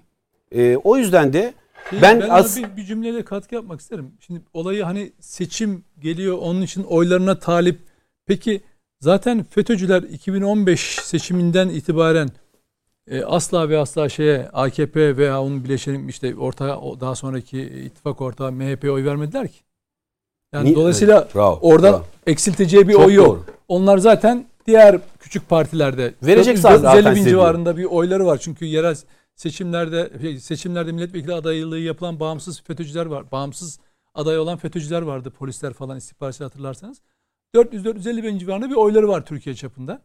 O oylar zaten o andan itibaren zaten e, 2013 sonrası tamamen başka taraflara kaydı. Dolayısıyla AKP'den eksilteceği bir şey yok. Yani orada çok Peki. oy hesabı yaptığını zannetmiyorum. Mücahit Bey, çok Dediğiniz gibi Tamam, orada şunu daha çok- üst bir başka plan. Evet şunu şunu önemsiyorum. Biraz önce Nedim Bey'in dediği şey çok önemli. Ee, ulaşılmaya çalışan amaçlardan birisi şu. Ee, Cumhuriyet Halk Partisi, muhalefet partisi nedir? Muhtemel iktidar adayıdır değil mi? Bütün demokrasilerde böyledir. Hani muhtemel iktidar adayısınızdır. Ee, hadi bunlar e, 10 senedir, 20 senedir iktidar adayı dahi değiller benim kanaatime göre ama e, teorik manada söylüyorum. Şimdi muhtemel bir iktidar adayının bu halde şu şekilde bir tavır sergilemesinin bürokrasiye etkisi ne olacaktır? Bunu çok iyi değerlendirmek lazım. Bakın benim kanaatime göre bu duruşlar Türkiye Cumhuriyeti Devleti'nin bir güvenlik meselesidir. Bu duruş güvenlik meselesidir. Çok açık söylüyorum. Dolayısıyla e, FETÖ'ye karşı şu anda e, yapılan o mücadeleyi etkisiz kılma noktasında da bir beyandır bu. Aynı zamanda bürokrasiye karşı da bir tehdittir. Bak bu tehdidi daha önce aleni bir şekilde birkaç defa yaptı. Bürokrasiye karşı. Tehdidi yaptı. Hakimlere, savcılara karşı. Siz hakimler, savcı, e, sarayın hakimleri, savcılarısınız diyecek kadar ileri gitti. İşte bunlar e, onun devamı niteliğinde Kılıçdaroğlu'nun istikrarlı bir duruşudur. Burada istikrarsızlık görmüyorum. Peki. Ee, Sayın Uras veda edeceğiz. Bir iki dakika e, ayırsam size bana kızmazsınız herhalde. E, hayır, e, sonuçta toptancı bir yaklaşım değil, tek tek dosyalara bakmak gerekiyor. E, yargı bağımsızlığı zamandan bağımsızlık değil. E, Sayın Adalet Bakanı ile yargı reformu ile ilgili e, dosya hazırlanırken de bu konuları etraflıca e, konuşmuştuk. E, tabii ki e, bu biraz önce söylenen mesela Dink davasında e, Orhan Dink bütün dosyayı bana getirmişti ve ahim kararlarını biz meclise sunmuştuk. Orada e, Fethullahçı bürokratlar da vardı, nasyonalistler de vardı ama sonuç alamadık. Çünkü bunun siyaseten araçsızlaştırmaması lazım. Tabii ki 15 Temmuz darbesine amasız karşı çıkmak lazım. 15 Temmuz sonrası e, karşı çıktığımız uygulamaları da eleştirel bakmak lazım. Bu ikisi e, tokuşturulacak mesele değil. Muhtemelen 15 Temmuz darbesi zaten başarılı olsaydı niyet erim benzeri 12 Mart dönemi bir teknokratlar hükümeti girecekti ve biz uzun süre ne olduğunu da anlayamayacaktık. O yüzden bu tür e, meselelerde e, hakikaten insanların e, mağdur olmaması e, için e, hukuku araçsallaştırmamamız, çifte standartı e, içine düşmememiz e, gerekiyor. E, bu konuda e, işte mecliste demokratik siyasete vurgu yapan Mithat Sancar dahil, 15 Temmuz darbesi sonrası bütün partilerin ortak tutum alması dahil e, bunlar kıymetli. E, bütün bunlar tiyatroysa niye mecliste bütün partiler e, ortak deklarasyon yaptılar? E, kontrolsüz bir darbe girişimiyle e, karşı karşıya kaldık. Neyse ki yurttaşlarımız Türkiye demokrasisine e, sahip çıktılar ve oyunu bozdular. Bunu görmezsek e, siyasetin meşruiyetine kendi bindiğiniz dalı kesmiş oluyorsunuz. Bu işin elif bası Peki. hakikaten. Buradan geri adım atmamak lazım. Çok teşekkür ediyorum Sayın Uras. Mete Yarar'ın son söz. Teşekkürler. Diyorum ve bitiriyorum. Bir, cüm- bir cümle lütfen en azından. Yani şöyle söyleyeyim, e, ben hiç kimseyi tek bir olayla değerlendirmem. Uzun süreçte yaptıklarına ve söylediklerine bakarak değerlendiririm. E, Geçen gün Nedim'le konuşurken de Nedim'e de aynı şeyi söyledim. Çok iyi niyetlisin dedim. E, Çünkü bu kumpasların içinde yer alan ve bunun sözlülüğünü yapan insanları kahraman gibi alkışlatan bir Kılıçdaroğlu'ndan bahsediyoruz. Bence çok iyi niyetlisiniz diyorum. Yani e, Ahmet Altan'ın Taraf Gazetesi'nde bu ülkede e, özellikle kumpas davalarında insanları nasıl hedefe koyduğunu ne kadar çabuk unuttuk. Peki ben ilginç olan başka bir şey daha söyleyeyim. Peki bunları o dönemde yaptıkları karşısında duranlar nasıl unuttu? Hadi iktidar unuttu diyelim. Hadi muhalefet unuttu diyelim. Toplum nasıl unuttu? Bu kumpasın kurucularına ilgili kanaatlerini geçmişte çok net olarak söyleyen insanlar farklı farklı partilerde yer alıyorlar. Ne kadar çabuk unuttuk. Bu kadar çok unutursak bir sonraki e, yerden sokulacağımızı hiç unutmayın ben size söyleyeyim. Peki. Çok teşekkür Ben ediyorum teşekkür Mete ederim. Yarar, Nedim Şener, e, Ufuk Uras ve Sayın Mücahit Birinci katıldığınız için. Önümüzdeki hafta yeni bir net bakışla yeniden karşınızda olmayı umuyoruz efendim. İyi geceler, hoşçakalın.